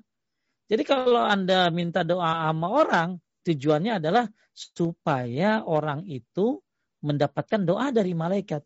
Tapi kalau Kang, kalau saya bilang begini sama Kang Roland, Kang Roland doain saya dong, saya makan banyak dosa, nggak pantas, itu nggak boleh. Karena semua orang pantas untuk berdoa. Semua orang layak untuk berdoa. Semua orang bisa berharap dan berdoa kepada Allah Subhanahu wa taala. Jadi nggak boleh dia putus asa, nggak boleh dia putus asa. Saya mau banyak dosa, nggak pantas saya berdoa, nggak boleh begitu. Ya, disuruhlah berdoa kepada Allah Subhanahu wa taala. Jadi, kenapa orang bisa syirik? Karena menganggap Allah ini Allah ini kayak kayak presiden, butuh menteri, butuh pembantu, butuh penolong. Allah tidak butuh siapa pun. Sampai hikmah daripada Quran ditutupnya Mekah dan Madinah ini adalah salah satu hikmah. Allah nggak butuh ibadah kita. Ya kita yang butuh kepada Allah Subhanahu wa taala. Yang kedua Kang lanjut. Dua. Alasan kedua kenapa seorang uh, berbuat, berbuat syirik karena mereka menyangka bahwa kekuasaan Allah tabaraka wa taala hanya bisa sempurna dengan kekuasaan milik sekutunya. Astagfirullah. Ya, Allah bisa sempurna kekuasaannya kalau dibantuin gitu loh. Ya, dan ini aliran begini ada, Kang. Ya, ini wali ngatur belah sono. Ini wali ngatur belah sonono utara. Ini kamu wali ngatur bagian sono. Ya, untuk urusan London nih wali ini. Ya wali sungai apa tuh jembatan apa tuh Kang? Ya di London ada lain ada jembatan kan itu gambar jembatan naon itu ya tower, tower uh, ya untuk urusan Belanda wali anu yang megang Allah kagak butuh. Ya Allah nggak butuh pembantu. Ya lanjut nomor tiga Alasan ketiga, orang yang berbuat syirik menyangka bahwasanya Allah tidak mengetahui kebutuhan hambanya sebelum diberitahukan oleh perantara, atau tidak menyayangi sampai ada perantara yang menjadikannya menyayangi, atau menyangka bahwa bukan Allah saja yang mencukupi hambanya, atau dia tidak akan melakukan apa yang hamba inginkan sebelum perantara memberikan syafaat di sisinya, sebagaimana makhluk memberi syafaat di sisi makhluk yang lain sehingga butuh untuk menerima syafaatnya dikarenakan ia butuh kepada si pemberi syafaat dan mengambil manfaat darinya. Ataupun menyangka bahwa Allah tidak mengijabah doa para hambanya sebelum mereka meminta kepada perantara untuk mengangkat kebutuhan-kebutuhan tersebut. Seperti layaknya keadaan para raja atau penguasa di dunia. Dan inilah pokok kesyirikan makhluk. Ya, inilah tiga pokok dari kesyirikan makhluk seolah-olah Allah kayak raja. Ya butuh yang menyampaikan. Butuh eh, orang-orang uh, yang menyampaikan keluhan dari makhluknya. Ud'uni astajib lakum berdoalah kepadaku. Allah nyuruh kita berdoa langsung. Kalau Anda mau pakai perantara boleh. Tapi perantaranya yang disyariatkan asmaul husna. Ya rahman ya rahim. Ya hayyu ya qayyum. Ya anda bisa pakai asmaul husna untuk berdoa Kemudian orang soleh yang masih hidup. Orang soleh yang masih hidup juga boleh Anda mintakan untuk berdoa. Tapi tujuannya bukan Anda putus asa. Gak boleh Anda putus asa dalam berdoa. Semua orang punya hak yang sama di hadapan Allah. Jadi Anda minta doa kepada orang itu supaya orang itu didoakan oleh malaikat. Ya, kemudian ya, yang terakhir tawasul dengan amal soleh diri sendiri.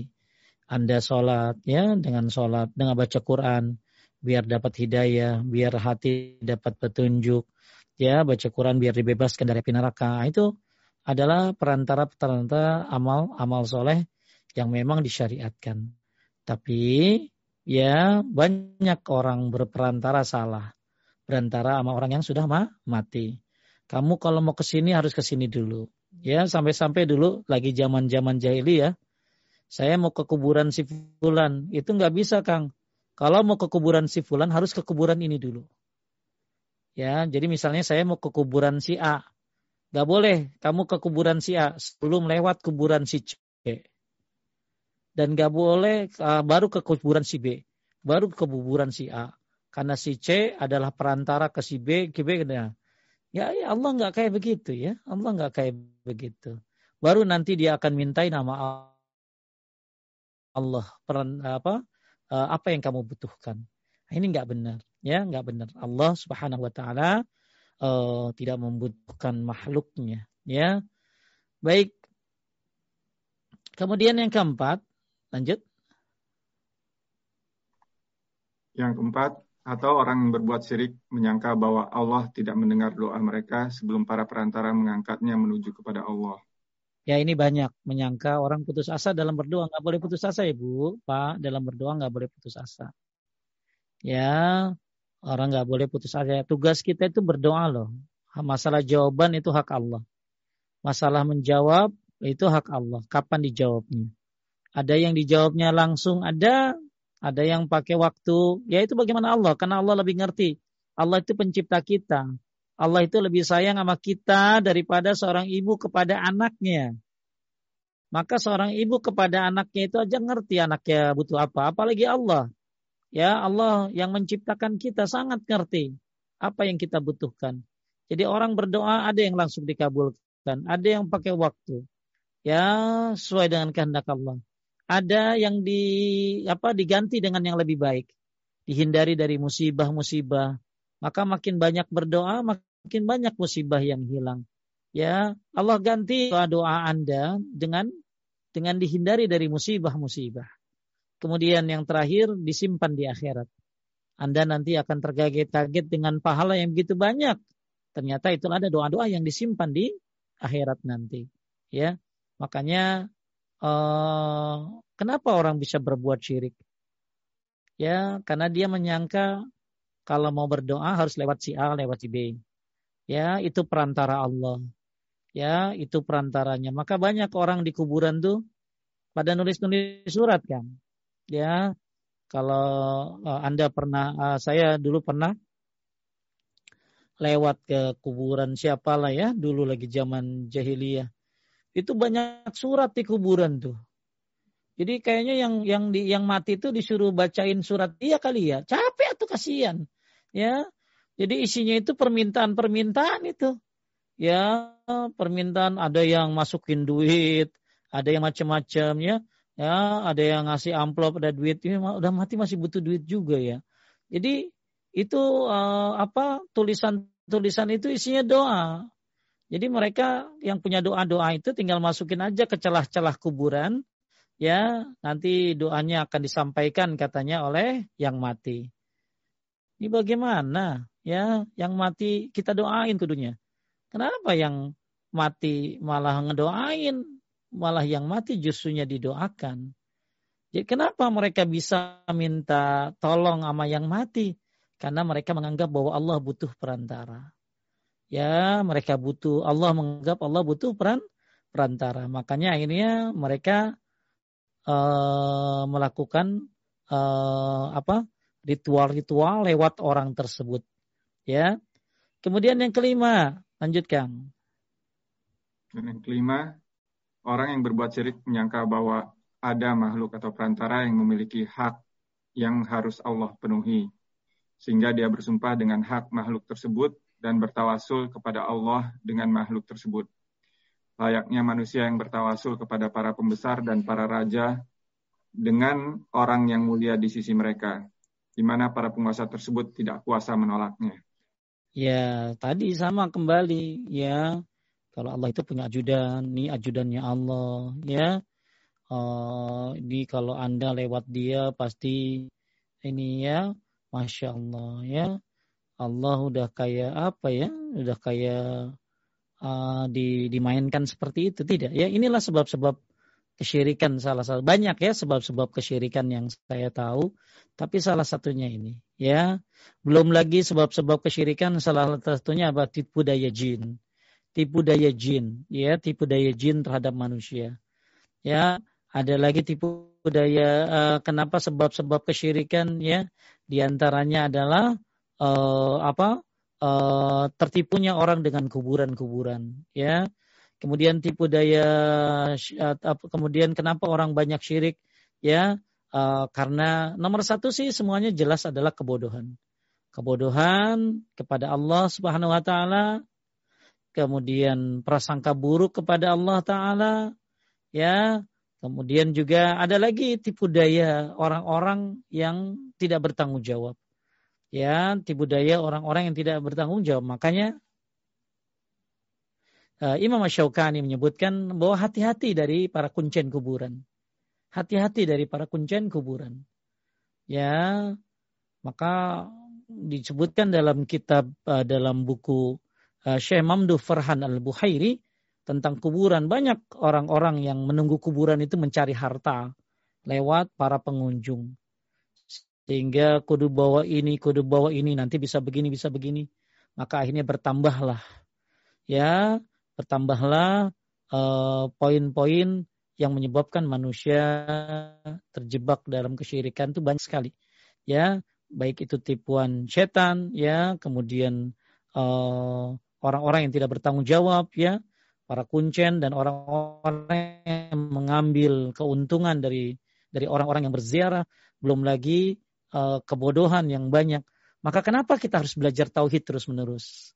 Kenapa kita harus belajar tauhid terus-menerus?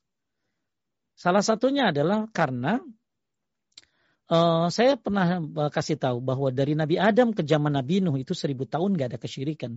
Kemudian bisa jadi syirik Padahal tadinya nggak ada kesyirikan. Seribu tahun, non, tidak ada kesyirikan seribu tahun. Kemudian akhirnya terjadilah kesyirikan di zaman Nabi Nuh alaihissalam.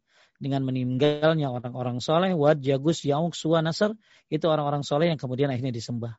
Padahal seribu tahun aman dari kesyirikan. Bagaimana dengan kita? Apakah kita pernah aman dari kesyirikan? Apakah pernah negara ini aman dari kesyirikan? Ya, maka kita harus lebih waspada lagi dengan kesyirikan. Itu yang pertama, kenapa kita harus belajar tauhid terus. Yang kedua, fenomena fenomena di masyarakat. Betapa banyak kesyirikan-kesyirikan yang masih terus berlanjut. Ya, eh, masih banyak sekali ya keyakinan-keyakinan yang bertentangan dengan dengan syariat yang akhirnya menuju kepada kesyirikan baik syirik kecil ataupun syirik besar. Ya, kemudian uh, Kenapa kita harus takut syirik? Karena Nabi aja takut syirik. Sampai Nabi berdoa, Allahumma inni a'udzubika usyika bika wa na'alam astaghfiruka lima alam. Aku berlindung kepadamu ya Allah dari dosa syirik yang aku ketahui dan dari dosa syirik yang tidak aku ketahui. Nabi aja takut syirik, ya. Padahal tahu sendiri Nabi kayak apa. Ya, Nabi Ibrahim sendiri takut syirik. Nah, ini yang ada di bawahnya ini tentang Nabi Ibrahim. Wajibni wa baniyan na'budal asnam. Bahwa Nabi Ibrahim aja takut syirik. Padahal dia adalah khalilullah, kekasih Allah. Masih takut syirik. Bagaimana dengan kita? Ya, nah inilah kenapa kita terus belajar tauhid, belajar tauhid supaya kita uh, memiliki uh, apa kekuatan, keyakinan tauhid yang murni, tauhid yang kokoh kepada Allah Subhanahu wa taala dan bisa dijauhkan dari kesyirikan. Maka dari poin satu sampai nomor lima tadi, kenapa orang syirik itu ya maka semua ini merupakan bentuk penistaan terhadap rububiyah dan mengurangi hak Allah. Maka itulah sifat-sifat terpuji Allah dan kesempurnaan rububiyahnya menuntut untuk tidak mengampuni dosa syirik tersebut. Dan menuntut untuk menjadikan pelakunya kekal dalam azab yang pedih serta menjadikannya manusia paling sengsara. Maka tidaklah kau dapati seorang musyrik pun melainkan dia menistakan Allah Subhanahu wa taala walaupun dia menyangka bahwa dirinya mengagungkannya. Ya, yang nauzubillah dia nggak tahu kalau dia lagi berbuat syirik. Ya, nggak tahu kalau dia lagi berbuat syirik. Digantilah nama syirik dengan nama-nama yang yang apa yang keren, ya. Dukun. Dulu namanya dukun, Kang. Kemudian jadi apa? Jadi apa? Jadi paranormal ya? Paranormal. Habis paranormal apa lagi? Orang pinter. Orang pinter ya. Apalagi selanjutnya. Kenapa orang pinter? Karena yang datang orang bodoh kali ya. Ya. Kemudian habis orang pinter guru spiritual. Ada aja terus namanya tuh dibikin-bikin nama-nama supaya ya kelihatannya keren, catching ya, padahal busuk di dalamnya. Sama dengan kesyirikan, ya dibungkus dengan Eh, perkara-perkara oh nggak apa-apa ini begini loh ini begini loh. Ya dan lain sebagainya maka orang bodoh gampang terjebak. Maka alhamdulillah ya dengan nikmat tauhid yang Allah kasih Kang saya baca di sebuah tulisan Instagram sekarang itu para tukang parkir yang ada di daerah-daerah keramat kuburan-kuburan itu katanya sepi ya sebelum corona udah sepi kenapa Ya karena jarang ada yang ziarah lagi, jarang ada yang minta lagi ke kuburan. Ya karena banyaknya dakwah tauhid. Banyaknya ustadz-ustadz lihat ya ustadz-ustadz dakwah kayak apa. Makanya kita eh, dakwah tauhid itu strength banget ya, terus ya terus. Uh, bukan hanya bilang ini syirik, tapi detail sampai detail. Ini bedanya. Ini bedanya dakwah sunnah ini. Detail dia menerangkannya. Bukan hanya, eh nggak boleh itu syirik. Tapi diterangkan kenapa syirik. Kenapa bisa terjadi syirik. Bahkan sekecil-kecilnya kesyirikan diserangkan. Nah, itulah ya. Nah, nanti kita ketemu di poin di di bab nomor 5 kalau nggak salah ya. Tentang dakwah tauhid. Kenapa kita harus dakwah tauhid? Kenapa kita harus mengajarkan tauhid ini kepada umat? Bahkan kata seorang ulama salaf, tauhid ini adalah nikmat dari Allah. Tauhid ini adalah nikmat dari Allah yang Anda harus pertanggungjawabkan. Apa maksudnya? Anda ajarkan nggak kepada orang lain? Anda kasih tahu nggak orang lain? Karena ini adalah nikmat. Ya, betapa banyak orang yang tidak merasakan nikmat tauhid. Dia mungkin dapat nikmat Islam, tapi sayang, nikmat Islam dia dapat tapi dia tidak pelajari sehingga dia tidak merasakan nikmat tauhid dan nikmat sunnah. Padahal Islam adalah sunnah dan sunnah adalah Islam. Ya, uh, dia dapat nikmat sehat tapi dia tidak dapat nikmat tauhid. Maka kita sering baca firman Allah summalatus alunna yauma idzin anin naim. Kalian akan ditanya tentang segala kenikmatan yang kalian dapatkan. Kata ulama salaf salah satunya nikmat yang Allah berikan kepada kita adalah nikmat tauhid. Maka ini harus disyukuri ya dengan cara mengajarkannya, mengamalkannya insya Allah. Inilah uh, pembahasan kita pada kali ini tentang masalah uh, bab 4 ayat yang pertama surat An-Nisa ayat 48 116 dan Az-Zumar ayat 53. Kemudian ada tambahan tadi ya beda-beda syirik apa ya? Nah, ini tadi jangan lupa ya bedanya syirik besar sama syirik kecil ini ada di bawah nih. Bisa dibacain Kang sedikit adapun di catatan kaki. Ya. Adapun perbedaan keduanya atau syirik besar dan syirik kecil dapat dilihat dari segi akibat adalah syirik akbar membatalkan seluruh, seluruh amalan Adapun syirik asgar membatalkan amalan yang dia ber, yang berbuat syirik di dalamnya. Yang kedua perbedaannya adalah syirik akbar membuat pelakunya kekal di dalam neraka, adapun syirik asgar tidak menyebabkan pelakunya kekal di neraka. Dan yang ketiga, syirik akbar membuat pelakunya murtad atau keluar dari agama Islam, sementara syirik asgar tidak membuat pelakunya murtad. Baik, inilah perbedaannya. Ya, kemudian tadi kita jangan lupa surat Az-Zumar 93 ya buat bapak-bapak ibu-ibu yang punya teman putus asa, banyak dosa ya maka kasihlah surat Az-Zumar ayat 53 ini. Ya, tauhid adalah solusi. Ya, tauhid adalah solusi. Kemudian kan tadi faidah-faidah sudah kita bahas. Dan kemarin tadi sudah kita bahas juga macam-macam dosa besar ya Kang ya. Dosa besar apa aja Ya, kalau bisa beli bukunya ya, biar tahu dosa-dosa besar itu apa aja. Ya, karena gini Kang, saya ada ibu-ibu nanya saya begini.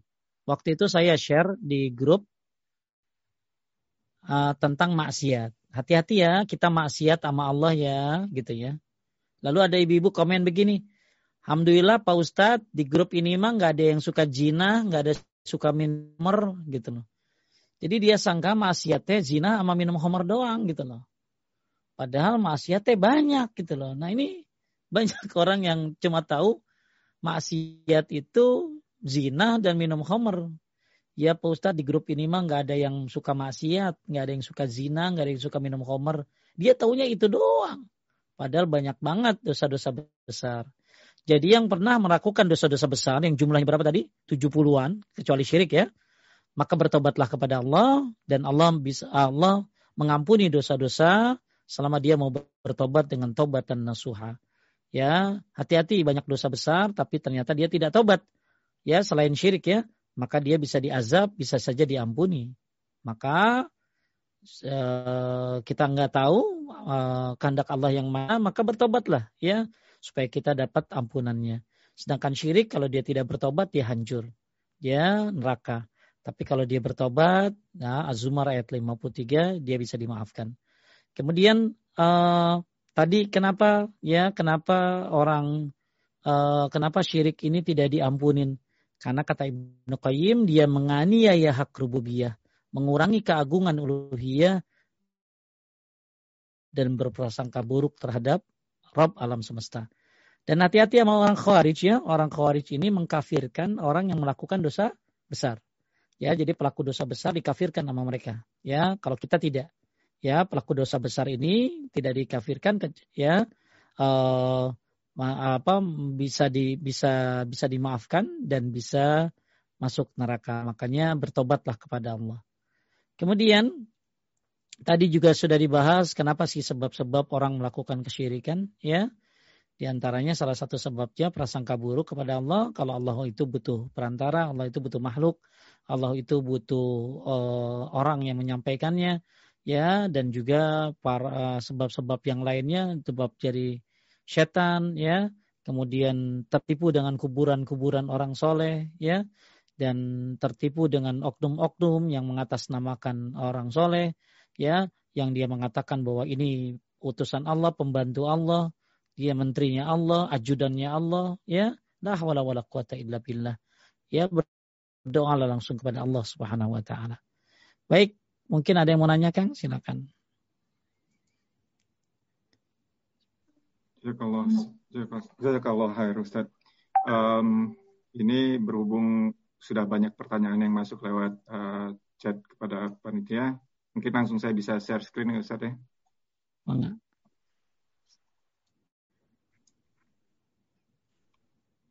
Ini untuk pertanyaan pertama. Ustaz, taubatnya apa harus menyebut bahwa taubat karena syirik, padahal kita nggak sadar atau karena tidak tahu? Dan setiap taubat haruskah disertai dengan salat taubat? Baik, Masya Allah, ibu-ibu luar biasa. Bapak-bapak, ibu-ibu tuh. Ya udah, ntar Kang Lorang, Kang Lorang cari lagi orangnya, jangan Kang. Ya udah. Uh, ya, Uh, Bapak Ibu sekalian yang dimuliakan Allah Subhanahu wa taala. Uh, Kang pertanyaannya taruh di atas aja dah. Susah saya lupa.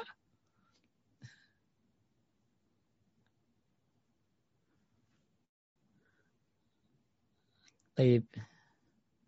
Ya, apa menyebut bahwa tempat dari syirik pada kita yang salah karena tidak tidak intinya ya Bapak Ibu sekalian muliakan Allah ketika Anda bertobat kepada Allah, bertobatlah dari seluruh dosa. Bertobatlah dari seluruh dosa. Jangan ya Allah saya tobat dari dosa syirik besar aja ya, yang syirik kecil belum kayaknya. Jangan begitu ya. Ya Allah saya tobat dari zina aja ya, tapi saya tobat mabuk mah belum ya. Jadi tobatlah dari seluruh dosa. Makanya ibu tinggal bila uh, tidak cukup mengatakan ya, ya Ya, ya Allah, aku bertobat dari seluruh dosaku. Dengan kalimat apa Pak Ustadz? Ya banyak ya, dengan cara Rabbik firli, Rabbik firli. Ya artinya kan Rabbik firli apa? Ampuni dosaku, ya Allah, ampuni dosaku. Ya jadi uh, tobat itu harusnya tobat dari seluruh dosa. Ya, jadi kalau ada kalau pertanyaannya Pak Ustadz, apakah harus menyebut bahwa karena syirik, padahal kita nggak sadar atau karena tidak tahu? Intinya bertobatlah dari seluruh dosa, ya. Jadi Anda tidak usah menyebutkan tobat ini, tobat itu, tapi ya Allah, aku bertobat dari segala dosa-dosa. Ya, karena dosa itu kan cuma dua, dosa besar dan dosa kecil. Maka kita bertobat dari seluruh dosa-dosa. Ya, baik itu dosa syirik ataupun dosa selain syirik. Jadi ibu nggak usah sebutin, ya. Astagfirullah wa atubu ilaih. Cukup begitu saja. Astaghfirullah wa atubu Aku minta ampun kepadamu dan aku bertobat kepadamu ya Allah. Cukup itu aja ya. Kemudian dan setiap tobat terus setelah sholat tobat boleh nggak apa-apa ya. Jadi uh, kalau ibu mau mau apa kalau mau tobat pakai sholat tobat ya nggak apa-apa. Tapi nggak harus ya nggak harus. Tapi ada sholat tobat itu. Yang penting tobat itu satu ya satu dia uh, apa uh, syarat-syarat syarat-syarat tobat itu ya ada beberapa, tapi poin-poinnya adalah dia menyesali perbuatannya. Ya, itu yang pertama. Kemudian yang kedua meninggalkan perbuatannya. Jadi jangan cuma nyesel tapi enggak meninggalkan perbuatan. Gimana nyesel tapi enggak meninggalkan perbuatannya. Yang ketiga mengakui perbuatannya. Yang keempat bertekad untuk tidak melakukannya di masa yang akan datang bertekad untuk tidak melakukannya di masa yang akan datang.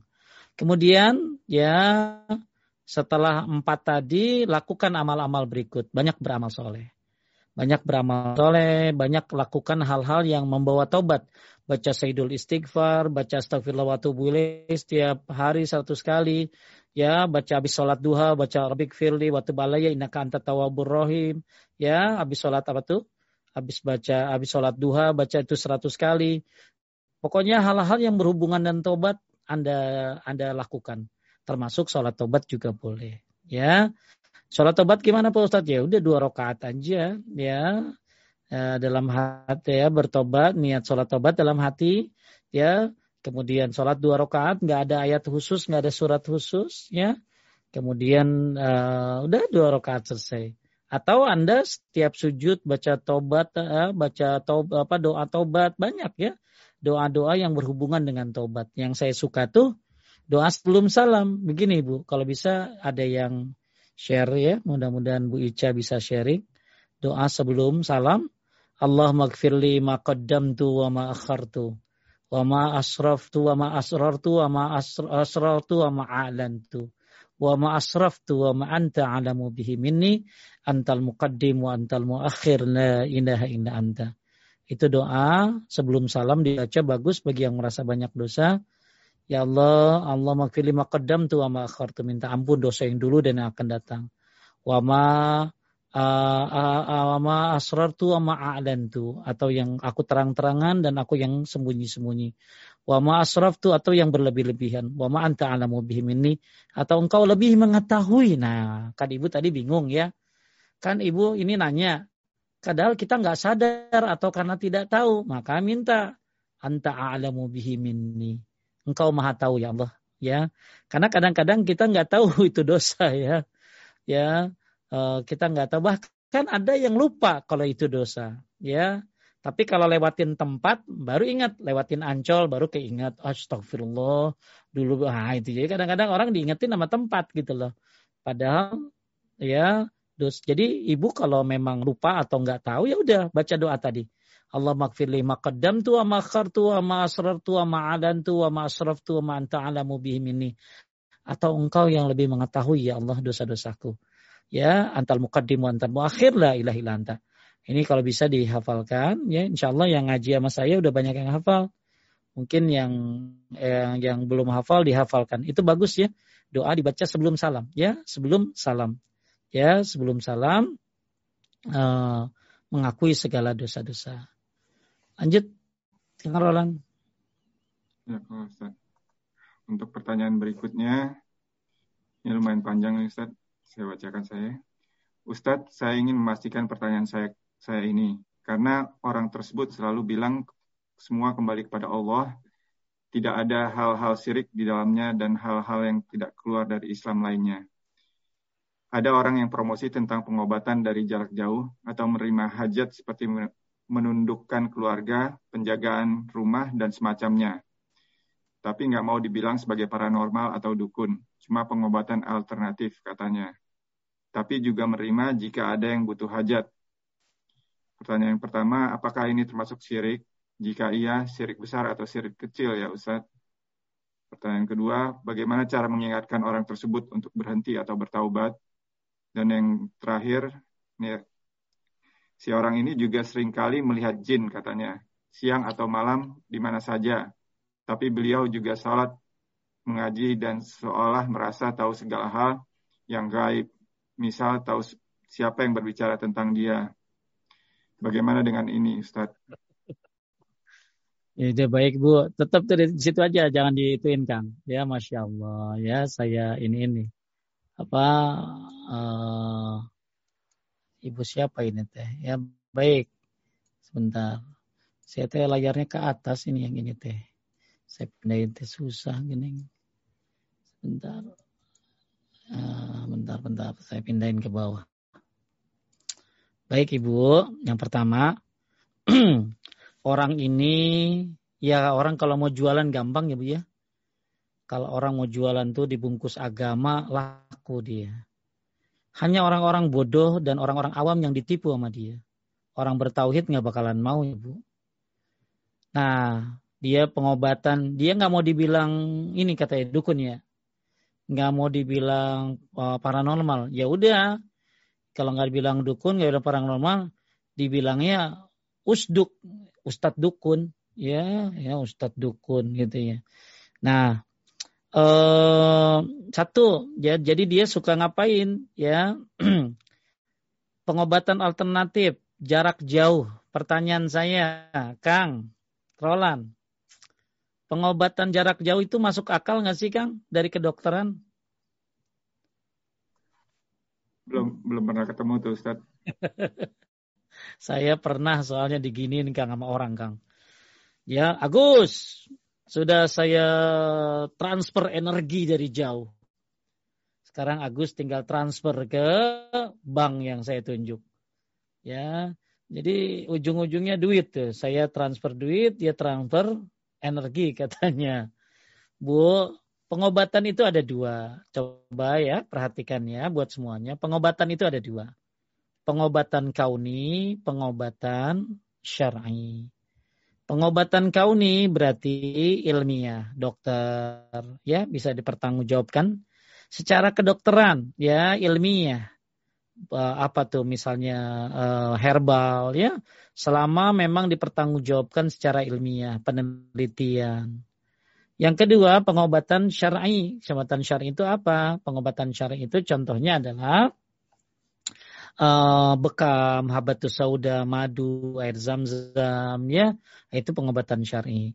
Jadi kalau pengobatan jarak jauh begini nggak kau nih nggak syar'i bu, ya nggak ada syar'i nggak, ya nggak ada dalilnya dari Quran dan hadis. Jadi kalau dibilang semua kembali kepada Allah, ya benar lah. Mayit aja kembali sama Allah, semua mau kembali kepada Allah gitu loh. Masalahnya dia ngomong semua kembali kepada Allah, dia pakai metode yang diajarin oleh Allah dan Rasulnya apa enggak gitu loh. Jadi jangan ketipu sama orang-orang kayak begini. Ya. Jadi pengobatan jarak jauh itu tidak ada dalilnya dari syar'i, tidak kauni, tidak ilmiah dan juga tidak tidak syar'i, ya. Uh, apakah ini termasuk syirik? Ya dianya syirik kali, ya. Dianya syirik, ya. Dianya syirik dalam arti kata kalau dia minta tolong sama jin, ya, jadi mana dia bisa pengobatan jarak jauh kalau nggak pakai jin? Kalau dia minta tolong sama jin, maka itu bisa syirik. Ya, terus kalau dia menyembah jin, ya berarti syirik besar. Ya, melakukan kan kayak misalnya dia melakukan apa untuk supaya jinnya nurut itu, ya pakai sembelihan-sembelihan ya, pakai nyembelih atas nama selain Allah. Nah, itu berarti syirik besar, ya. Kalau syirik kecil tuh ria, ya ria tuh ya bersumpah dengan nama selain Allah itu syirik kecil. Tapi kalau udah hubungan-hubungan ya nyembelih-nyembelih atas nama selain Allah bisa besar. Kemudian cara mengingatkan orang tersebut berhenti atau bertobat ya dikasih tahu ya pengobatan Anda tidak ilmiah, pengobatan Anda tidak masuk akal, tidak ilmiah dan tidak ada dalilnya dari Quran dan hadis. Ya, jadi ya kasih tahu kalau berani mah ya kasih tahu ya. Kalau nggak berani ya doain. Kemudian orang ini sering lihat jin tiap hari. Nabi aja kagak pernah lihat jin tiap hari. Kalaupun Nabi pernah lihat udah berbentuk orang uh, jin ya. Pernah juga sekali-kali ya nyakek jin ya Nabi ya. Tapi kalau orang tiap hari, wudhu, di matanya ada jin gitu loh. Jadi kalau ada orang tiap hari lihat jin, berarti di matanya ada jin. Soalnya di dalam Al-Quran disebutkan bahwa mereka, mereka bangsa jin bisa melihat kamu dari arah yang kamu tidak bisa melihat mereka. Berarti jin itu bisa melihat kita dan kita tidak bisa melihat mereka. Jadi kalau ada orang bisa melihat jin, nah siapa tuh dia tuh? Ya jadi kalau ada orang bisa melihat jin, siapa tuh dia gitu loh. Ya, ya intinya Terus dia bisa tahu segala hal. Masya Allah. Ibu jangan-jangan sudah sudah ter ini sama dia ya. Jangan gampang percaya sama orang kayak begini mah. Ngaji aja dah. Ibu ngaji. Ya, ibu ngaji benar, ngaji tauhid yang benar, nanti ibu selamat dari godaan dia. Ya, jangan sampai tertarik. Terus dia bisa tahu siapa yang ngomongin dia. Yang ngasih tahu yang ngomongin dia jin itu. Bagaimana orang bisa tahu?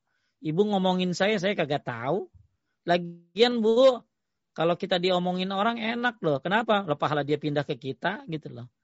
Jadi kalau dia nggak tahu, dia diomongin Pak Ustadz. Lalu siapa yang ngasih tahu? Jin yang ngasih tahu. Coba. Ya, buat ibu-ibu yang pernah pergi ke dukun. Tiba-tiba ibu masuk ke dalam. Kang Roland masuk ke ruang praktek dukun. Kemudian dukun itu bilang begini. Pak Roland apa kabar? Ih, kok Ro, dia tahu nama saya ya? Ini amazing banget nih, amazing banget ya. Oh luar biasa nih, dukun tahu nama saya. Padahal Kang Roland pendaftaran di depan, maka dia tahu gitu loh. Yang kedua, kok dia bisa tahu nama Kang Roland? Karena jin yang ada di Kang Roland, namanya Korin, itu laporan nama dia. Nanti datang Roland ke situ. Ya, dia mau ngadu masalah begini-begini. Itu kerjasama kayak begitu, jangan percaya. Ya, udah dah. Ya, jadi buat ibu yang nanya, bapak yang nanya, hati-hati ya, ya hati-hati. Anda belajar tauhid yang benar. Mendingan kalau sakit ke dokter, ya hati-hati sama pengobatan alternatif, hati-hati.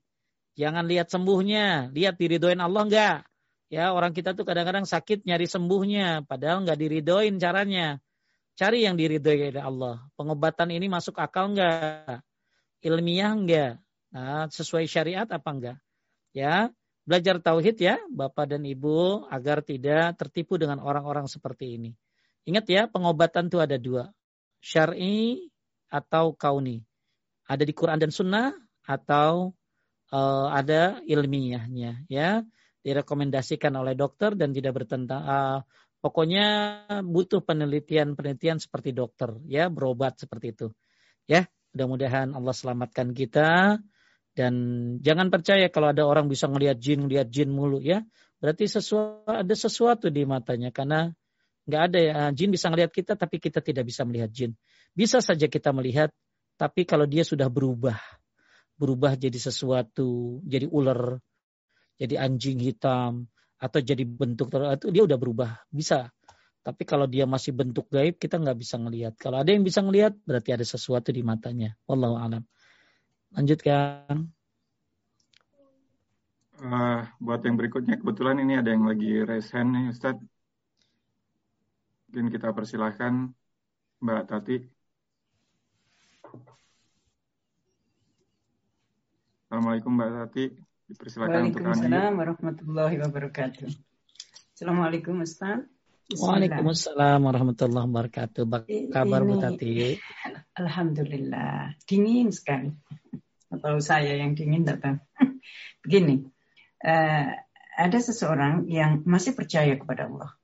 Karena dia kerjakan zakat, dia baik dengan orang lain, tapi tidak sholat. Nah, macam orang macam begini masih dikatakan Islam? Ini pertanyaan Baik. pertama. Nah, yang kedua, di sini kawin itu mahal, jadi banyak orang kumpul kebo. Itu normal uh, untuk orang yang non Muslim atau tidak.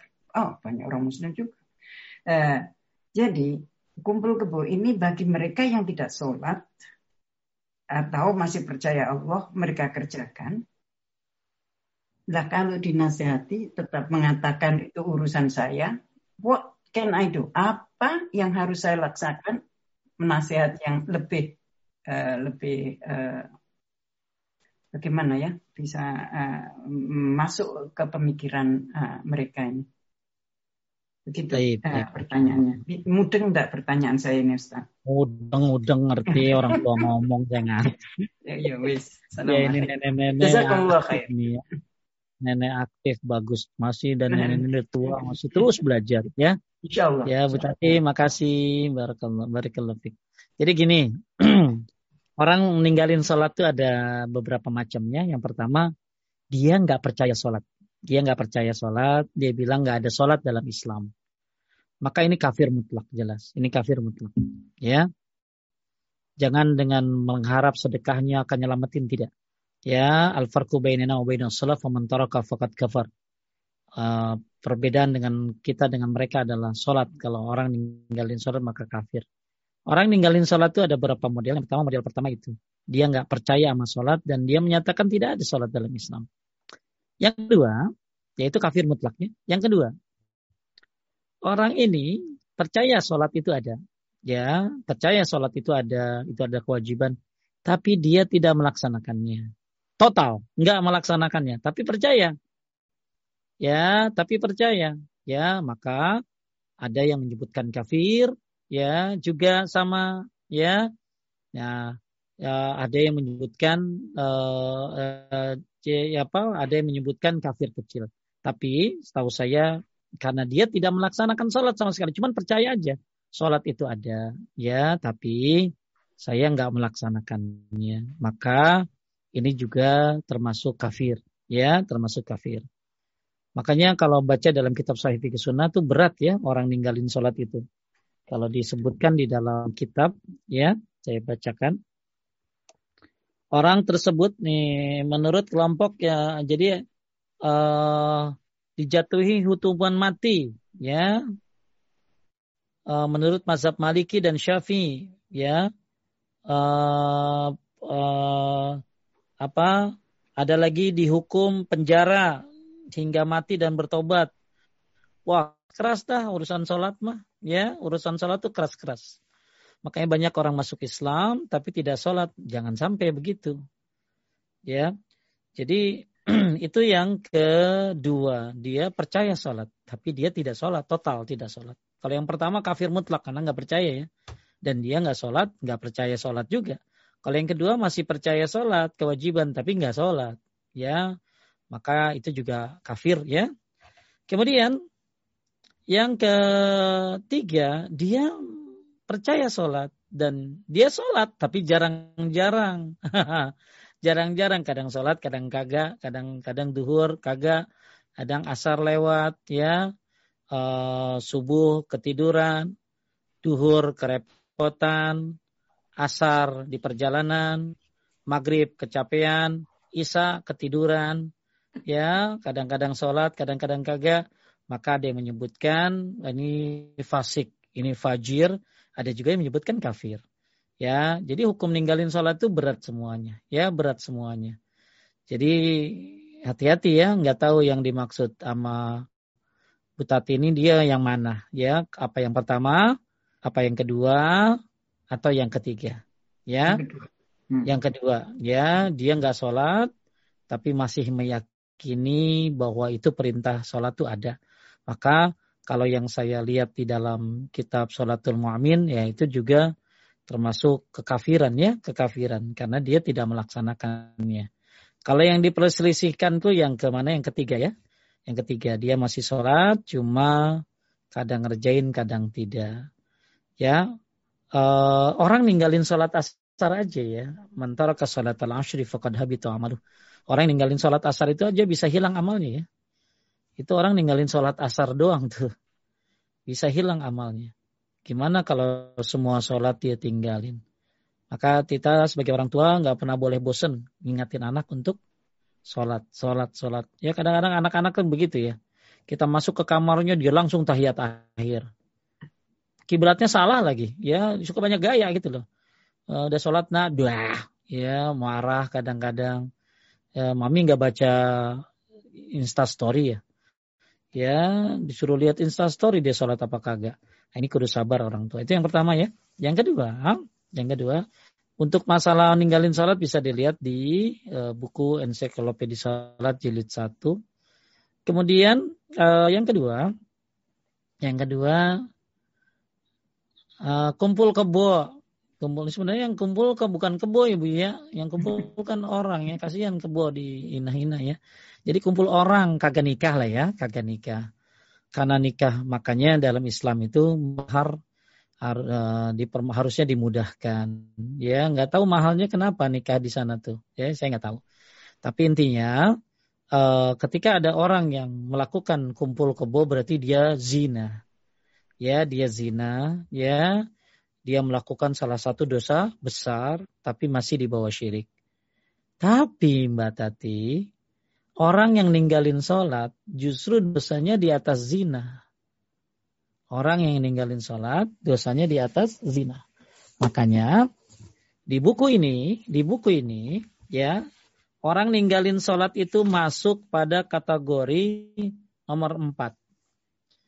Nomor satu syirik, nomor dua membunuh, nomor tiga sihir, nomor empat ninggalin sholat. Nomor lima tidak mau bayar zakat. Nomor enam durhaka sama orang tua. Nomor tujuh makan riba. Terus nomor dua belas zina. Nomor dua belas zina. Jadi orang ninggalin sholat ya. Uh, dan, dan sekarang pertanyaannya kan dia zina ya, tapi masih sholat gitu ya. Ya hmm. uh, dia dia berzina tapi masih sholat ya dia dosa karena zinahnya.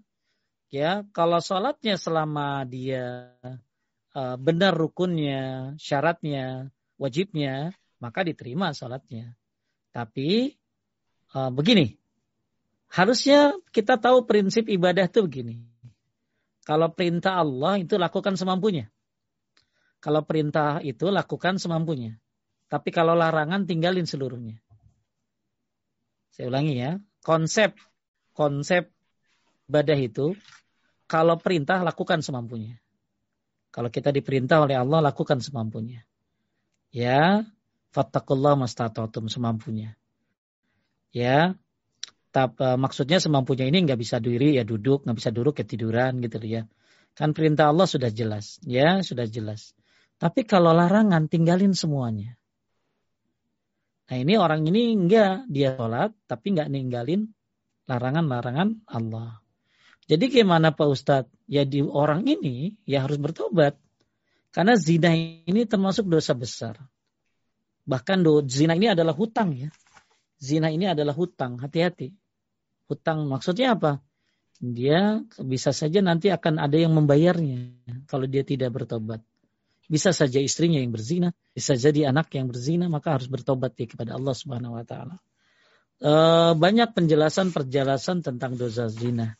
Ya bagusnya dia dikasih tahu sih ya, dikasih tahu kenapa dia melakukan ini. Tentunya ya harus ada yang memberitahu. Mbak Tati berani ngasih tahu nggak? Ya berani, nggak mau dengar lagi aja. Ya. ya, nah nanti saya fotokopiin ya, saya fotoin ya uh, ini dosa apa ayat-ayatnya hadis-hadisnya ya. Ya, nanti saya kasih Bu Febi ya. Saya kasih Bu Febi. Kan jangankan zina ya, deketin zina aja nggak boleh. Wala takrabuz zina. Deketin aja nggak boleh, apalagi zina. Kemudian uh, orang zina itu ya uh, apa masuk dosa yang paling besar juga ya. Akan tetapi uh, di urutan ini ya dosa-dosa besar ini di caranya nomor 12. Ya, saya bacakan satu hadis ya, Mbak Tati. Ya, dalam sebuah riwayat disebutkan Rasulullah SAW bersabda, "Man zana aw syarib al-khamr, na'zallahu minhul iman kama yakhla al-insanul qamis min ra'sihi." Siapa yang berzina atau meminum arak, maka Allah mencabut imannya sebagaimana seorang yang melepaskan baju melalui kepalanya. Jadi dia menyebutkan Bu Tati, orang lagi zina itu imannya naik ke atas, keluar. Keluar, imannya keluar. Kemudian kalau dia sudah bertobat, dia balik lagi masuk ke dalam. Ya, begitu sucinya keimanan, tidak mau bercampur dengan perzinahan. Ya, jadi eh, bahkan orang zina ini tidak akan di, uh, disebutkan dalam sebuah hadis, ya. Orang zina ini tidak akan disucikan oleh Allah, tidak akan diperhatikan oleh Allah dan baginya azab yang sangat pedih. Jadi nanti saya kasih ini, saya fotoin ya, uh, atau nanti saya kasih tulisannya tentang zina, ibu kasih nama dia. Ya, zina itu dosa besar. Ya, sekarang mahalnya di mana sih, Bu? Bagaimana? Dia mahal nikah tuh di mana di situ? Ya, di Inggris kan uh, pakai pesta-pesta kan mahal. Banyak orang hanya kumpul gitu. Ah, makanya ini normal, normal di sini normal. Enggak, karena kalau kawin doang nggak pakai pesta kenapa? Ya kalau kawin ah, tanpa rame-rame kan percuma bagi mereka untuk apa kawin kalau begitu tinggal aja ah, Itu pemahamannya prinsip, salah. Prinsipnya lain. Hmm. Begitu. Ya prinsipnya lain ya berarti prinsip hmm. salah gitu tuh. Ya Jadi harusnya nikah itu nggak harus nggak harus hmm, rame-rame banget ya. Yang penting ada, yang penting nggak diem-diem ya. Yang penting nggak diem-diem. Yang penting ada yang tahu ya minimal keluarga diundang orang-orang dekat ya maka berarti dia salah konsep ya salah konsep mm-hmm. dia seolah-olah nikah itu harus mahal harus guys kan tidak nikah itu seperti onta sama talinya ya Ontanya mah murah ya, cuma 5 juta. Talinya 100 juta gitu loh. Ya, makanya yang akhirnya menyebabkan orang banyak zina. Makanya orang nikah, kasih tahu sama dia. Orang nikah itu dikayakan oleh Allah. Orang nikah itu setengah agamanya sempurna. Orang nikah itu ya bahkan orang nikah itu dapat pertolongan dari Allah. Orang nikah itu bahkan salah satu sebab wabah corona adalah banyaknya perzinahan. Bukan corona, maksudnya wabah. Sebab salah satu wabah adalah banyaknya perzinahan. Makanya bagus kalau sekarang banyak nikah biar kagak pada zina. Kenapa? Nah salah satu sebab wabah adalah banyaknya perzinahan yang sudah terang-terangan. Kalau zina sudah terang-terangan, maka akan muncul wabah penyakit yang belum pernah ada sebelumnya. Maka waktu saya ceramah pernikahan, saya kasih tahu, nikah itu menyebabkan wabah jadi berkurang. Nikah karena perzinahan menyebabkan datangnya wabah. Ya, nah nanti saya kasih tahu hikmah pernikahan. Nanti saya WA ya. Febi suruh ngasih tahu saya, uh, Ustadz uh, apa uh, apa hikmah pernikahan itu apa? Ya, nanti saya kasih tahu. Orang nikah tuh masya Allah, rizki datang, ya banyak ya ditolong oleh Allah. Nah ini berarti salah konsep, salah konsep tentang hmm. pernikahan, ya. Makasih Bu Tati. Jazakumullah khair. Oh iya. Kang. Udah lanjut aja Kang, jangan lihat jam. Jangan lihat jam, lanjut aja. Lanjut Ustaz. Assalamualaikum Ustaz. Um, ini pertanyaan berikutnya bunuh diri itu termasuk dosa besar. Tapi saya dengar bahwa orang yang bunuh diri tidak pernah diampuni oleh Allah Subhanahu wa taala. Apakah betul dan berarti bunuh diri sama dengan berbuat syirik? Tidak, siapa yang bilang? Ya. Jadi orang bunuh diri itu dosa besar ya. Dia tetap disolatin, disolatin tapi yang nggak boleh nyolatin tuh orang-orang soleh aja. Jadi yang orang-orang biasa aja yang nyolatin. Jadi bunuh diri, orang yang bunuh diri, dia akan membunuh dirinya dengan apa yang uh, akan jadi gini, orang bunuh diri itu uh, ya dia termasuk melakukan perbuatan dosa besar, ya dosa besar. Tidak ada dosa yang lebih besar daripada syirik, ya. Akan tetapi Uh, makanya ada yang menanya, ada orang bunuh diri itu disolatin nggak Pak Ustadz? Ya, maka ulama ada yang berbeda pendapat nggak dinyolatin. Kemudian ada yang bilang disolatin, ya disolatin, tapi uh, yang nyolatin orang biasa-biasa saja, orang-orang yang soleh tidak usah nyolatin, ya. Jadi bunuh diri itu intinya dosa besar, ya tidak sama dengan syirik ya, nggak ada yang sama kayak syirik. Syirik ini kan menyekutukan Allah, ya. Tapi dosa uh, bunuh diri juga termasuk do dosa. Kalau di sini disebutkan, ya bunuh diri ini termasuk dalam kategori Ah, nanti saya cari. Coba sambil pertanyaan yang lain coba. Nah ini dia. Uh, bunuh diri ya. Bunuh diri saya bacakan Ibu. Tentang dosa besar bunuh diri ini jatuh di nomor 25. Ya, suratnya dicatat Anissa 29 sampai 31. Anissa 29 sampai 31. Al-Furqan ayat 68. Ya. Jadi barang siapa yang membuat yang bunuh diri, ya dia akan membunuh dirinya dengan benda yang dia buat bunuh diri itu ya nanti di neraka. Ya. Ini uh, tentang masalah bunuh diri, ya. Pertanyaannya sekarang yang terakhir, pertanyaannya dari Ibu tadi. Lalu apakah dengerin ya buat Ibu tadi dengan keterangan menunjukkan bahwa orang tersebut jadi kafir. Nah, pertanyaan Ibu bagus tuh. Apakah orang yang bunuh diri kan bunuh diri ini dosa besar? Anisa 2931, Al-Furqan 68, hadis-hadisnya keras-keras ya tentang bunuh diri ini. Ya, pokoknya bunuh diri ini diancam neraka aja. Pertanyaannya, Syekh Utsaimin ditanya, apakah orang yang bunuh diri ini kafir dan akan kekal di neraka selamanya? Ini pertanyaannya Kang ya. Pertanyaannya yang penting itu tuh. Apakah orang bunuh diri ini kekal di neraka ya. atau dan dia kafir? Maka kata Syekh Utsaimin, tidak. Tidak. Dia bukanlah orang kafir. Sehingga ia harus tetap dimandikan, diskafani, disolati dan didoakan agar mendapatkan ampunan dari Allah Ta'ala. Hal tersebut telah dicontohkan oleh Rasulullah Sallallahu Alaihi Wasallam terhadap seorang yang mati bunuh diri dengan tombak. Jadi zaman Nabi ada orang bunuh diri pakai tombak. Jasad orang tersebut pun dihadapkan kepada Rasulullah Shallallahu Alaihi Wasallam supaya disolati. Namun beliau tidak mensolatinya. Akan tapi beliau malah merintahkan para sahabatnya untuk mensolati jenazah tersebut. Jadi Nabi nggak nyolatin, tapi para sahabat mensolatinya. Hal ini menunjukkan bahwa orang tersebut tidaklah kafir. Ya. Sehingga ia tidak harus kekal selamanya dalam neraka. Ya. Adapun penyebutan kekal selamanya, ah ini panjang selanjutnya. Jadi intinya kata Syekh bin Salih Utsaimin orang ini tidak kafir. Ya, bahkan harus didoakan supaya diampuni. Kenapa tidak kafir? Karena Nabi nyuruh para sahabat nyolatin. Dan Nabi nggak nyolatin. Tapi sahabat nyolatin. Berarti nggak kafir. Ya Bu ya? Saya rasa itu inti pertanyaannya. Jadi orang mati bunuh diri tidak kafir. Dia tidak syirik tapi dia pendosa besar. Naudzubillah, semoga Allah selamatkan kita dari hal itu. Lanjutkan.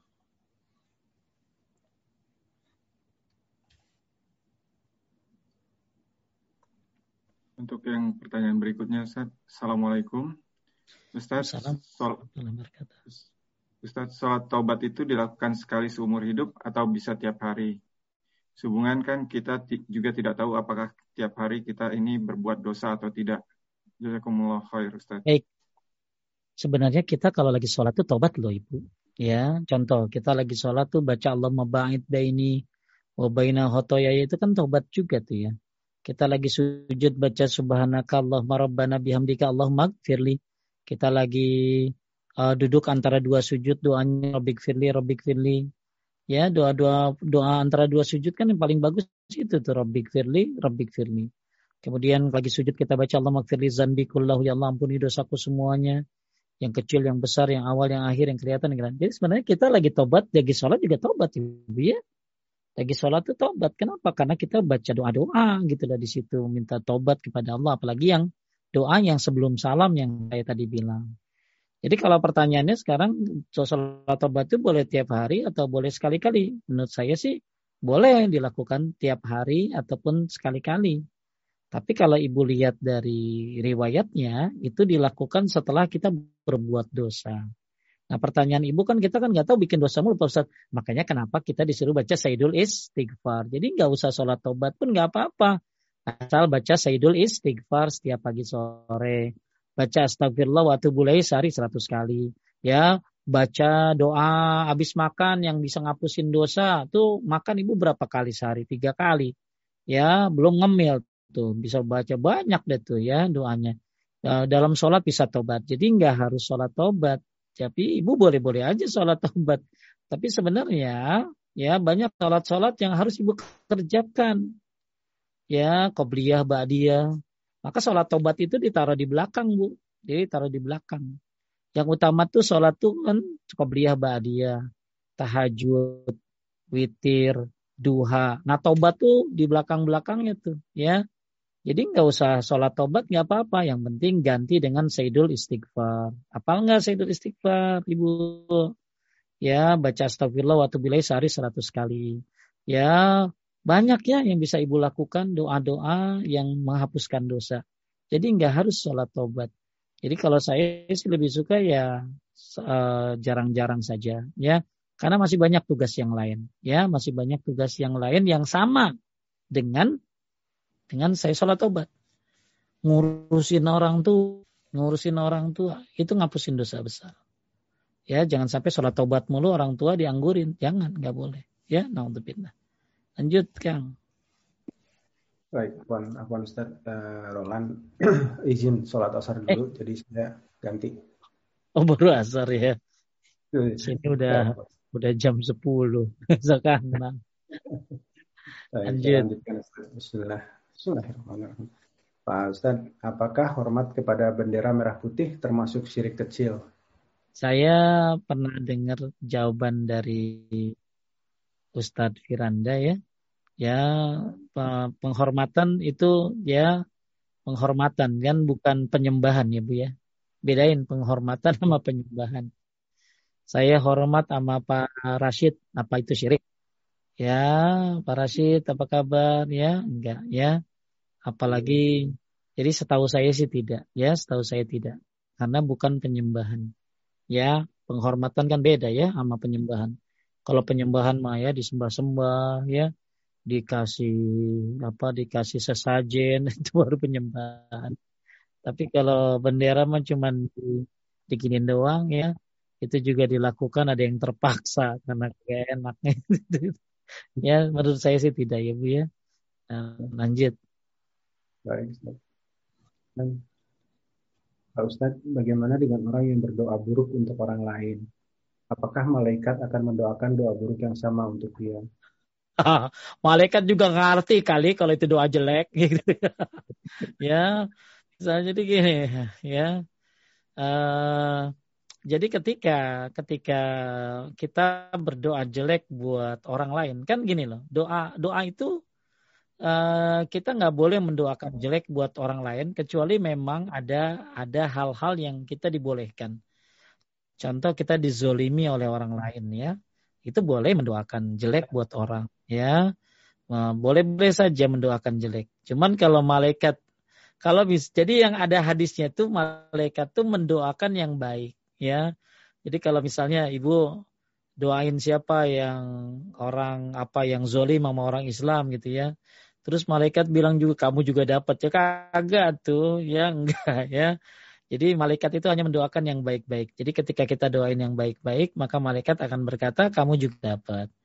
Tapi kalau ibu dizolimi oleh orang, ibu di apa dirampok, nauzubillah ya. Kemudian diapain, di, dilecehkan, ibu diambil tanahnya, kemudian ibu mendoakan kezoliman dia, maka itu boleh ya. Dan ibu bukan berarti ini malaikat doa kamu juga dapat. Enggak. Karena ibu punya hak untuk mendoakan jelek dia. Tapi kalau bagusnya didoakan jangan dapat hidayah dapat petunjuk. Ya biar tanah ibu balik ya. Biar dia sadar ya. Ya. Dia biar uh, dia berubah. Dan mudah-mudahan ngapusin dosa kita juga karena karena harta itu kan hilang tuh bisa ngapusin dosa juga ya lanjut baik Barakallahu Ustaz. Saya sering mendengar beberapa orang menyebut Allah didahului dengan Gusti Allah dan menyebut Rasulullah diawali dengan kanjeng Nabi. Apakah diperbolehkan? Dan apabila seorang pemimpin memberi salam untuk muslim dengan Assalamualaikum ditambah Shalom dan Om Swastu bolehkah dijawab Ustaz? Baik, jadi kalau ada orang uh, Pak Rashid pertanyaannya takutnya yang lupa. Oh, diangkat.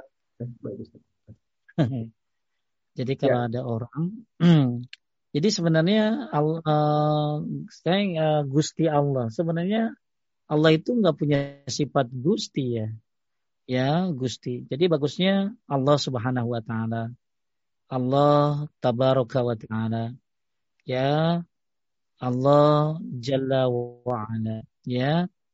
Jadi nggak usah pakai Gusti ya. Jadi sifat Gusti ini nggak ada nggak tahu nggak tahu Gusti itu apa artinya ya Gusti Allah itu apa artinya Kang Gusti Allah itu apa nah, nanti nanti mungkin yang yang ditinggikan ya kalau misalnya Gusti itu artinya yang ditinggikan ya mendingan jangan pakai itu langsung aja Allah Taala seperti itu ya jadi saya nggak tahu artinya Gusti, tapi uh, lebih baik menyebut Allah itu dengan dengan dengan dengan yang cara menyebutkannya diajarkan gitu ya. Allah Subhanahu wa taala. Jadi nggak usah pakai Gusti Allah ya. Kanjeng ya, kanjeng Nabi. Kanjeng itu apa artinya kan? Kanjeng ya ajeng ya, akang ajeng gitu. Oh, salah yang, yang ya, bagusnya sih karena gini loh, karena gini loh uh, uh, Aisyah itu kan istri Nabi Shallallahu Alaihi Wasallam, tapi nggak pernah manggil uh, akang gitu ya, akang, yayang ya. Jadi yang dipanggilnya ya Muhammad Rasulullah Sallallahu Alaihi Wasallam ya. Uh, Rasulullah panggilnya. Jadi yang paling bagus manggil Nabi itu nggak usah pakai kanjeng ya, tapi pakai Sallallahu Alaihi Wasallam. Harus ada solinya dan harus ada salam salimnya. Ya uh, sallallahu alaihi wasallam. Atau Nabi Muhammad alaihi salatu wassalam. Atau Nabi Muhammad Allahumma salli wa sallim alaihi. Itu yang paling bagus sebutan buat Nabi Muhammad. Bukan kanjeng ya tapi uh, Nabi Muhammad Sallallahu Alaihi Wasallam atau alaihi salatu wasallam atau Allah salli wasallim alaihi Kemudian kalau ada orang ngucapin assalamualaikum, Anda jawab yang waalaikumsalamnya. Ya, Anda nggak usah jawab yang macam-macamnya. Ya, jadi sebenarnya ya kalau kita ngucapin salam kepada misalnya gini ya, ada orang Muslim, ada orang kafir, lalu Kang Rashid berdiri di hadapan mereka ngucapin salam. Cukup assalamualaikum buat yang buat orang yang Muslim ya tujuannya Kemudian buat yang orang non muslim, Anda cukup bilang apa kabar? Sehat semuanya. Gitu aja boleh ya. Ya, tapi jangan menuruti salam-salam mereka ya. Jangan menuruti salam-salam mereka.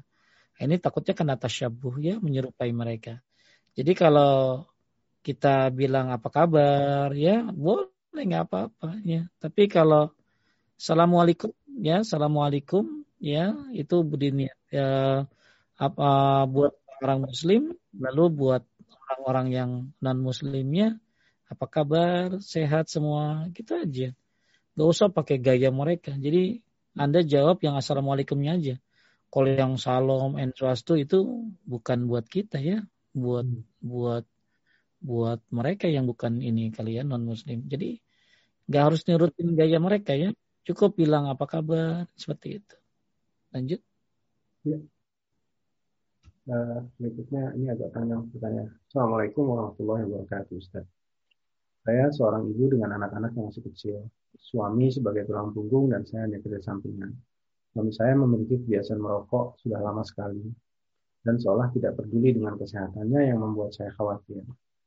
Sudah diingatkan untuk bisa mengurangi atau berhenti demi kesehatan, tapi sepertinya tidak pernah ditanggapi serius, malah jadi sering hanya bahan keruh suasana saya percaya hanya Allah Maha Kuasa yang memberi hidup dan rezeki.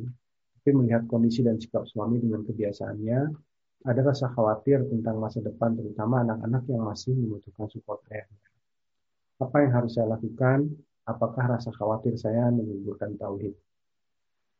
Ya, takut itu kan ada yang wajar, ada yang tidak wajar.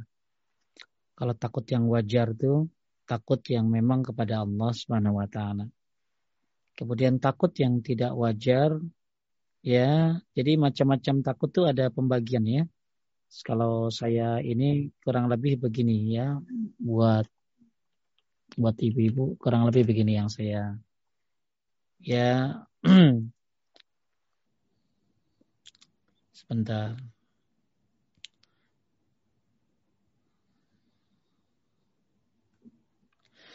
Jadi takut yang wajar, kemudian takut yang eh, apa yang tidak wajar, kemudian takut yang normal.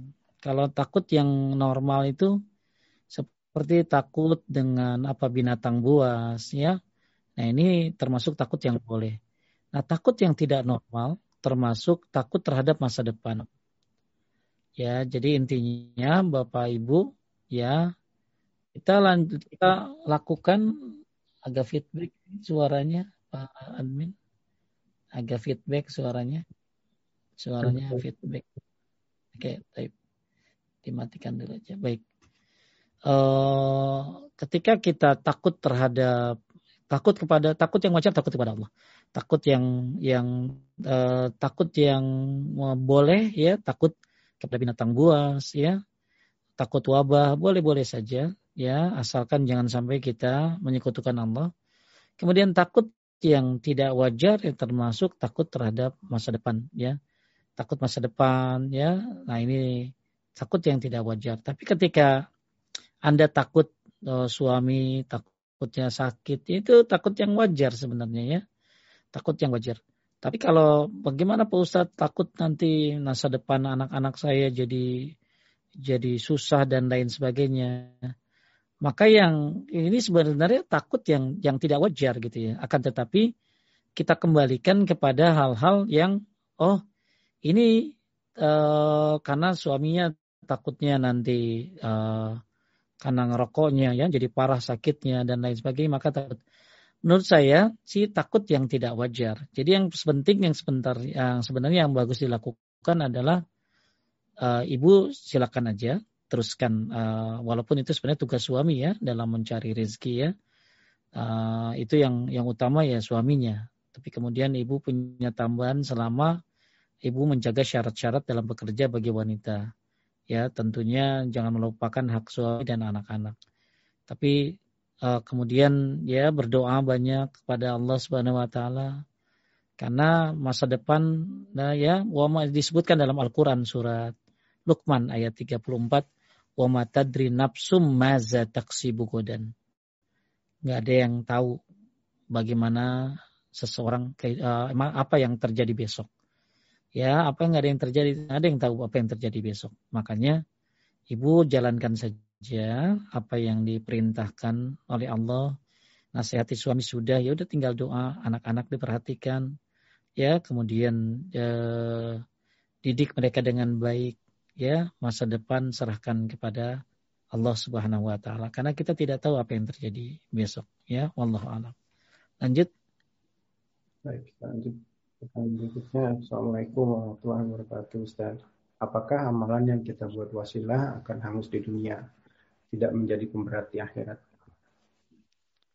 Gimana kan? Enggak ada di layar ini. Kelihatan Ustaz? Ya. Oh iya kelihatan. Assalamualaikum warahmatullahi wabarakatuh. Apakah amalan yang kita buat wasilah akan hangus di dunia, tidak menjadi pemberat di akhirat? Enggak ngerti saya. Maksudnya apa? Amalan kita yang buat wasilah akan hangus di dunia. Kalau Anda melakukan kesyirikan yang kesyirikan besar ya hapus semuanya. Ya, mau wasilah ini kan wasilah ini anggaplah jalan ya. Wasilah ini sebenarnya kan jalan uh, wasilah ini sebenarnya amal soleh ya amal soleh. Hmm. Anda haji, puasa, zakat, sholat itu bisa hilang ibu ya eh, gara-gara syirik ya. Banyak ya. sih ya penghapus-penghapus amal itu sudah pernah kita bahas. Silakan lihat di di pembahasannya di kajian paduka ada kajian paduka dulu ya kita bahas tentang penghapus-penghapus amal. Jadi amal itu bisa hilang bu, ya ada penghapus-penghapusnya. Makanya harus dijaga amal itu. Penghapus yang utama ya syirik, kafir, murtad itu penghapus utama. Nah, hmm. penghapus-penghapus lainnya ada, ya, ada. Maka Ibu bisa lihat di kajian paduka di penghapus-penghapus amal. Maka di hmm. dalam surat Al-Furqan ayat 23 disebutkan, "Waqadimna ila ma amilu min amalin fajalna maba'an mansura." Ketika amalnya diperlihatkan, dia bagaikan debu yang berterbangan. Amalnya hilang. Atau Al-Kahfi ayat 104, Ya, lihat di Al-Kahfi 103 104 ada orang yang merasa amalnya banyak ternyata nggak ada.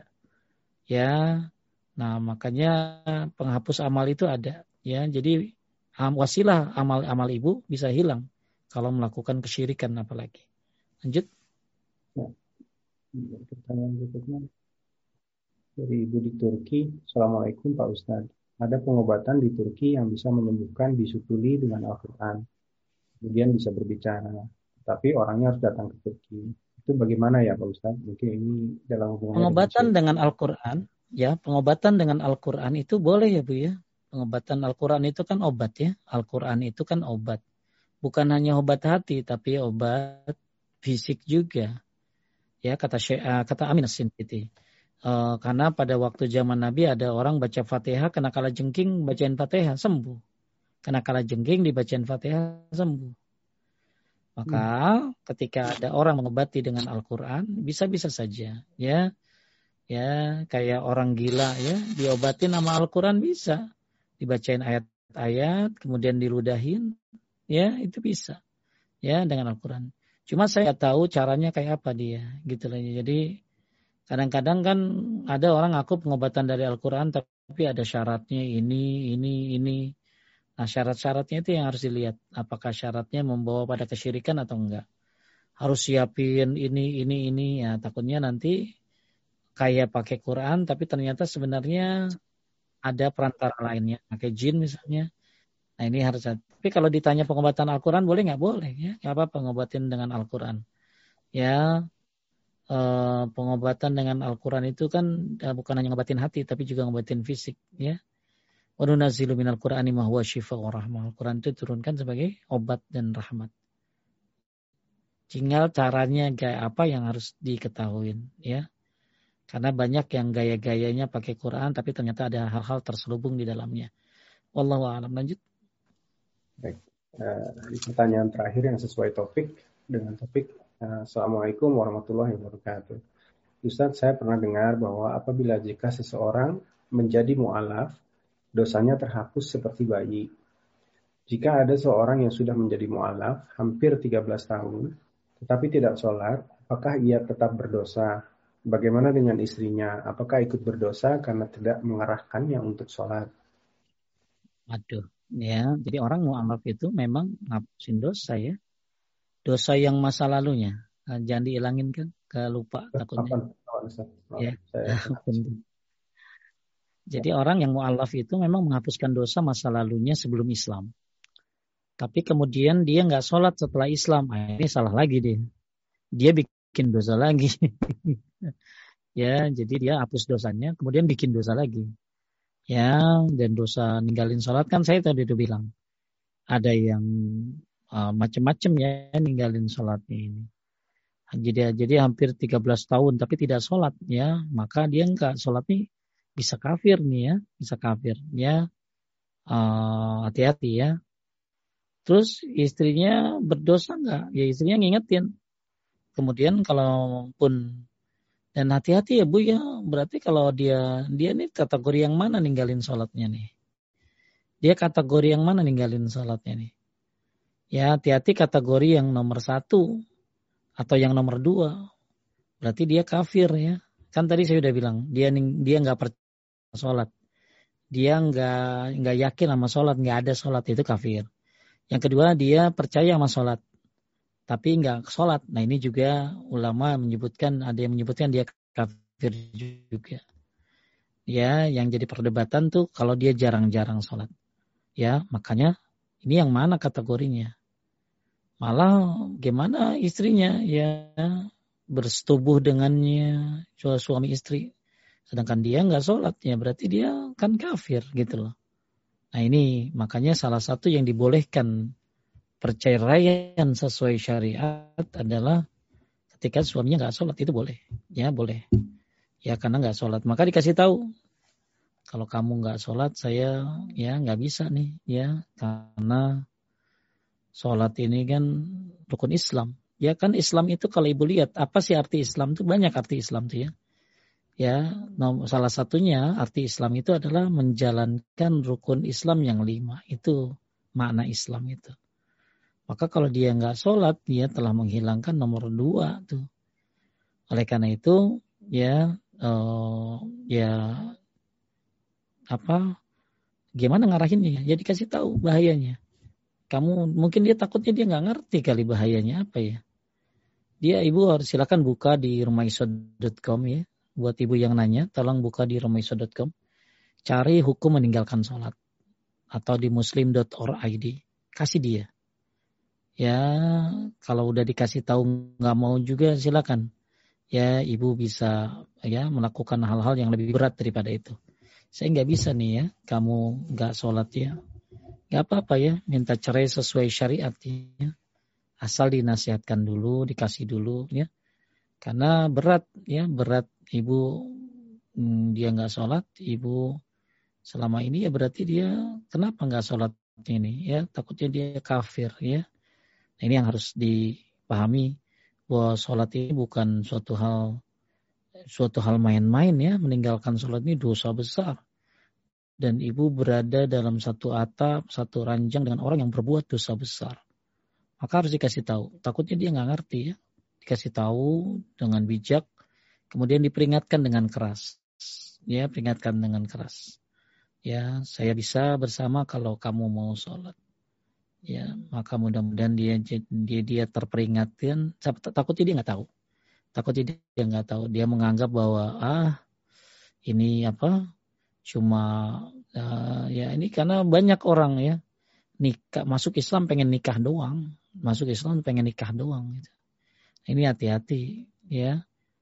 Itu aja. Ya mudah-mudahan dikasih petunjuk kasih ya kasih jadi ya kasih tahu dia. Beratnya ninggalin sholat tuh kayak apa dan konsekuensinya kayak apa dan ibu bisa melakukan apa ya ketegasan sama dia ya karena ibu hidup bersamanya ya jangan sampai uh, seperti orang yang apa ya berhubungan dengan orang yang tidak sholat. Lanjut. Baik. Uh, berikut pertanyaan terakhir ini sedikit di luar topik tapi nyambung ke pertanyaan sebelumnya Ustaz. Assalamualaikum warahmatullahi wabarakatuh. Waktu kecil dulu di masa remaja saya pernah bolong-bolong sholatnya. Nah, baru-baru ini saya mendengar beberapa ustadz mengatakan bahwa sholat yang bolong-bolong tersebut harus dibayarkan. Tapi ada juga yang mengatakan tidak bisa dibayarkan lagi karena meninggalkan dengan sengaja. Pendapat yang mana yang benar, Ustadz? Baik, kalau di dalam kitab Sahih Fikih Sunnah ini banyak sekali ya. Banyak sekali pendapat-pendapat tapi intinya terbagi dua ya yang pertama membayar sholatnya masa lalu ya. Yang kedua ya yang kedua tidak perlu dibayar. Cukup dia bertobat bertobat kepada Allah. Jangan ulangi lagi. Kemudian perbanyak sholat sunnah. Nah, ini saya lebih lebih suka pendapat yang kedua. Jadi kalau anda pengen tahu pro pro dan kontranya ya ada di kitab Sahih Fikih Sunnah jilid satu ya kitabnya kayak gini ya jilid satu ya. Ya kalau yang terjemahannya kalau yang Arabnya juga ada. Jadi uh, orang yang ninggalin sholat dulu dulu ya ada dua pendapat. Dia bayar gantinya. Ya.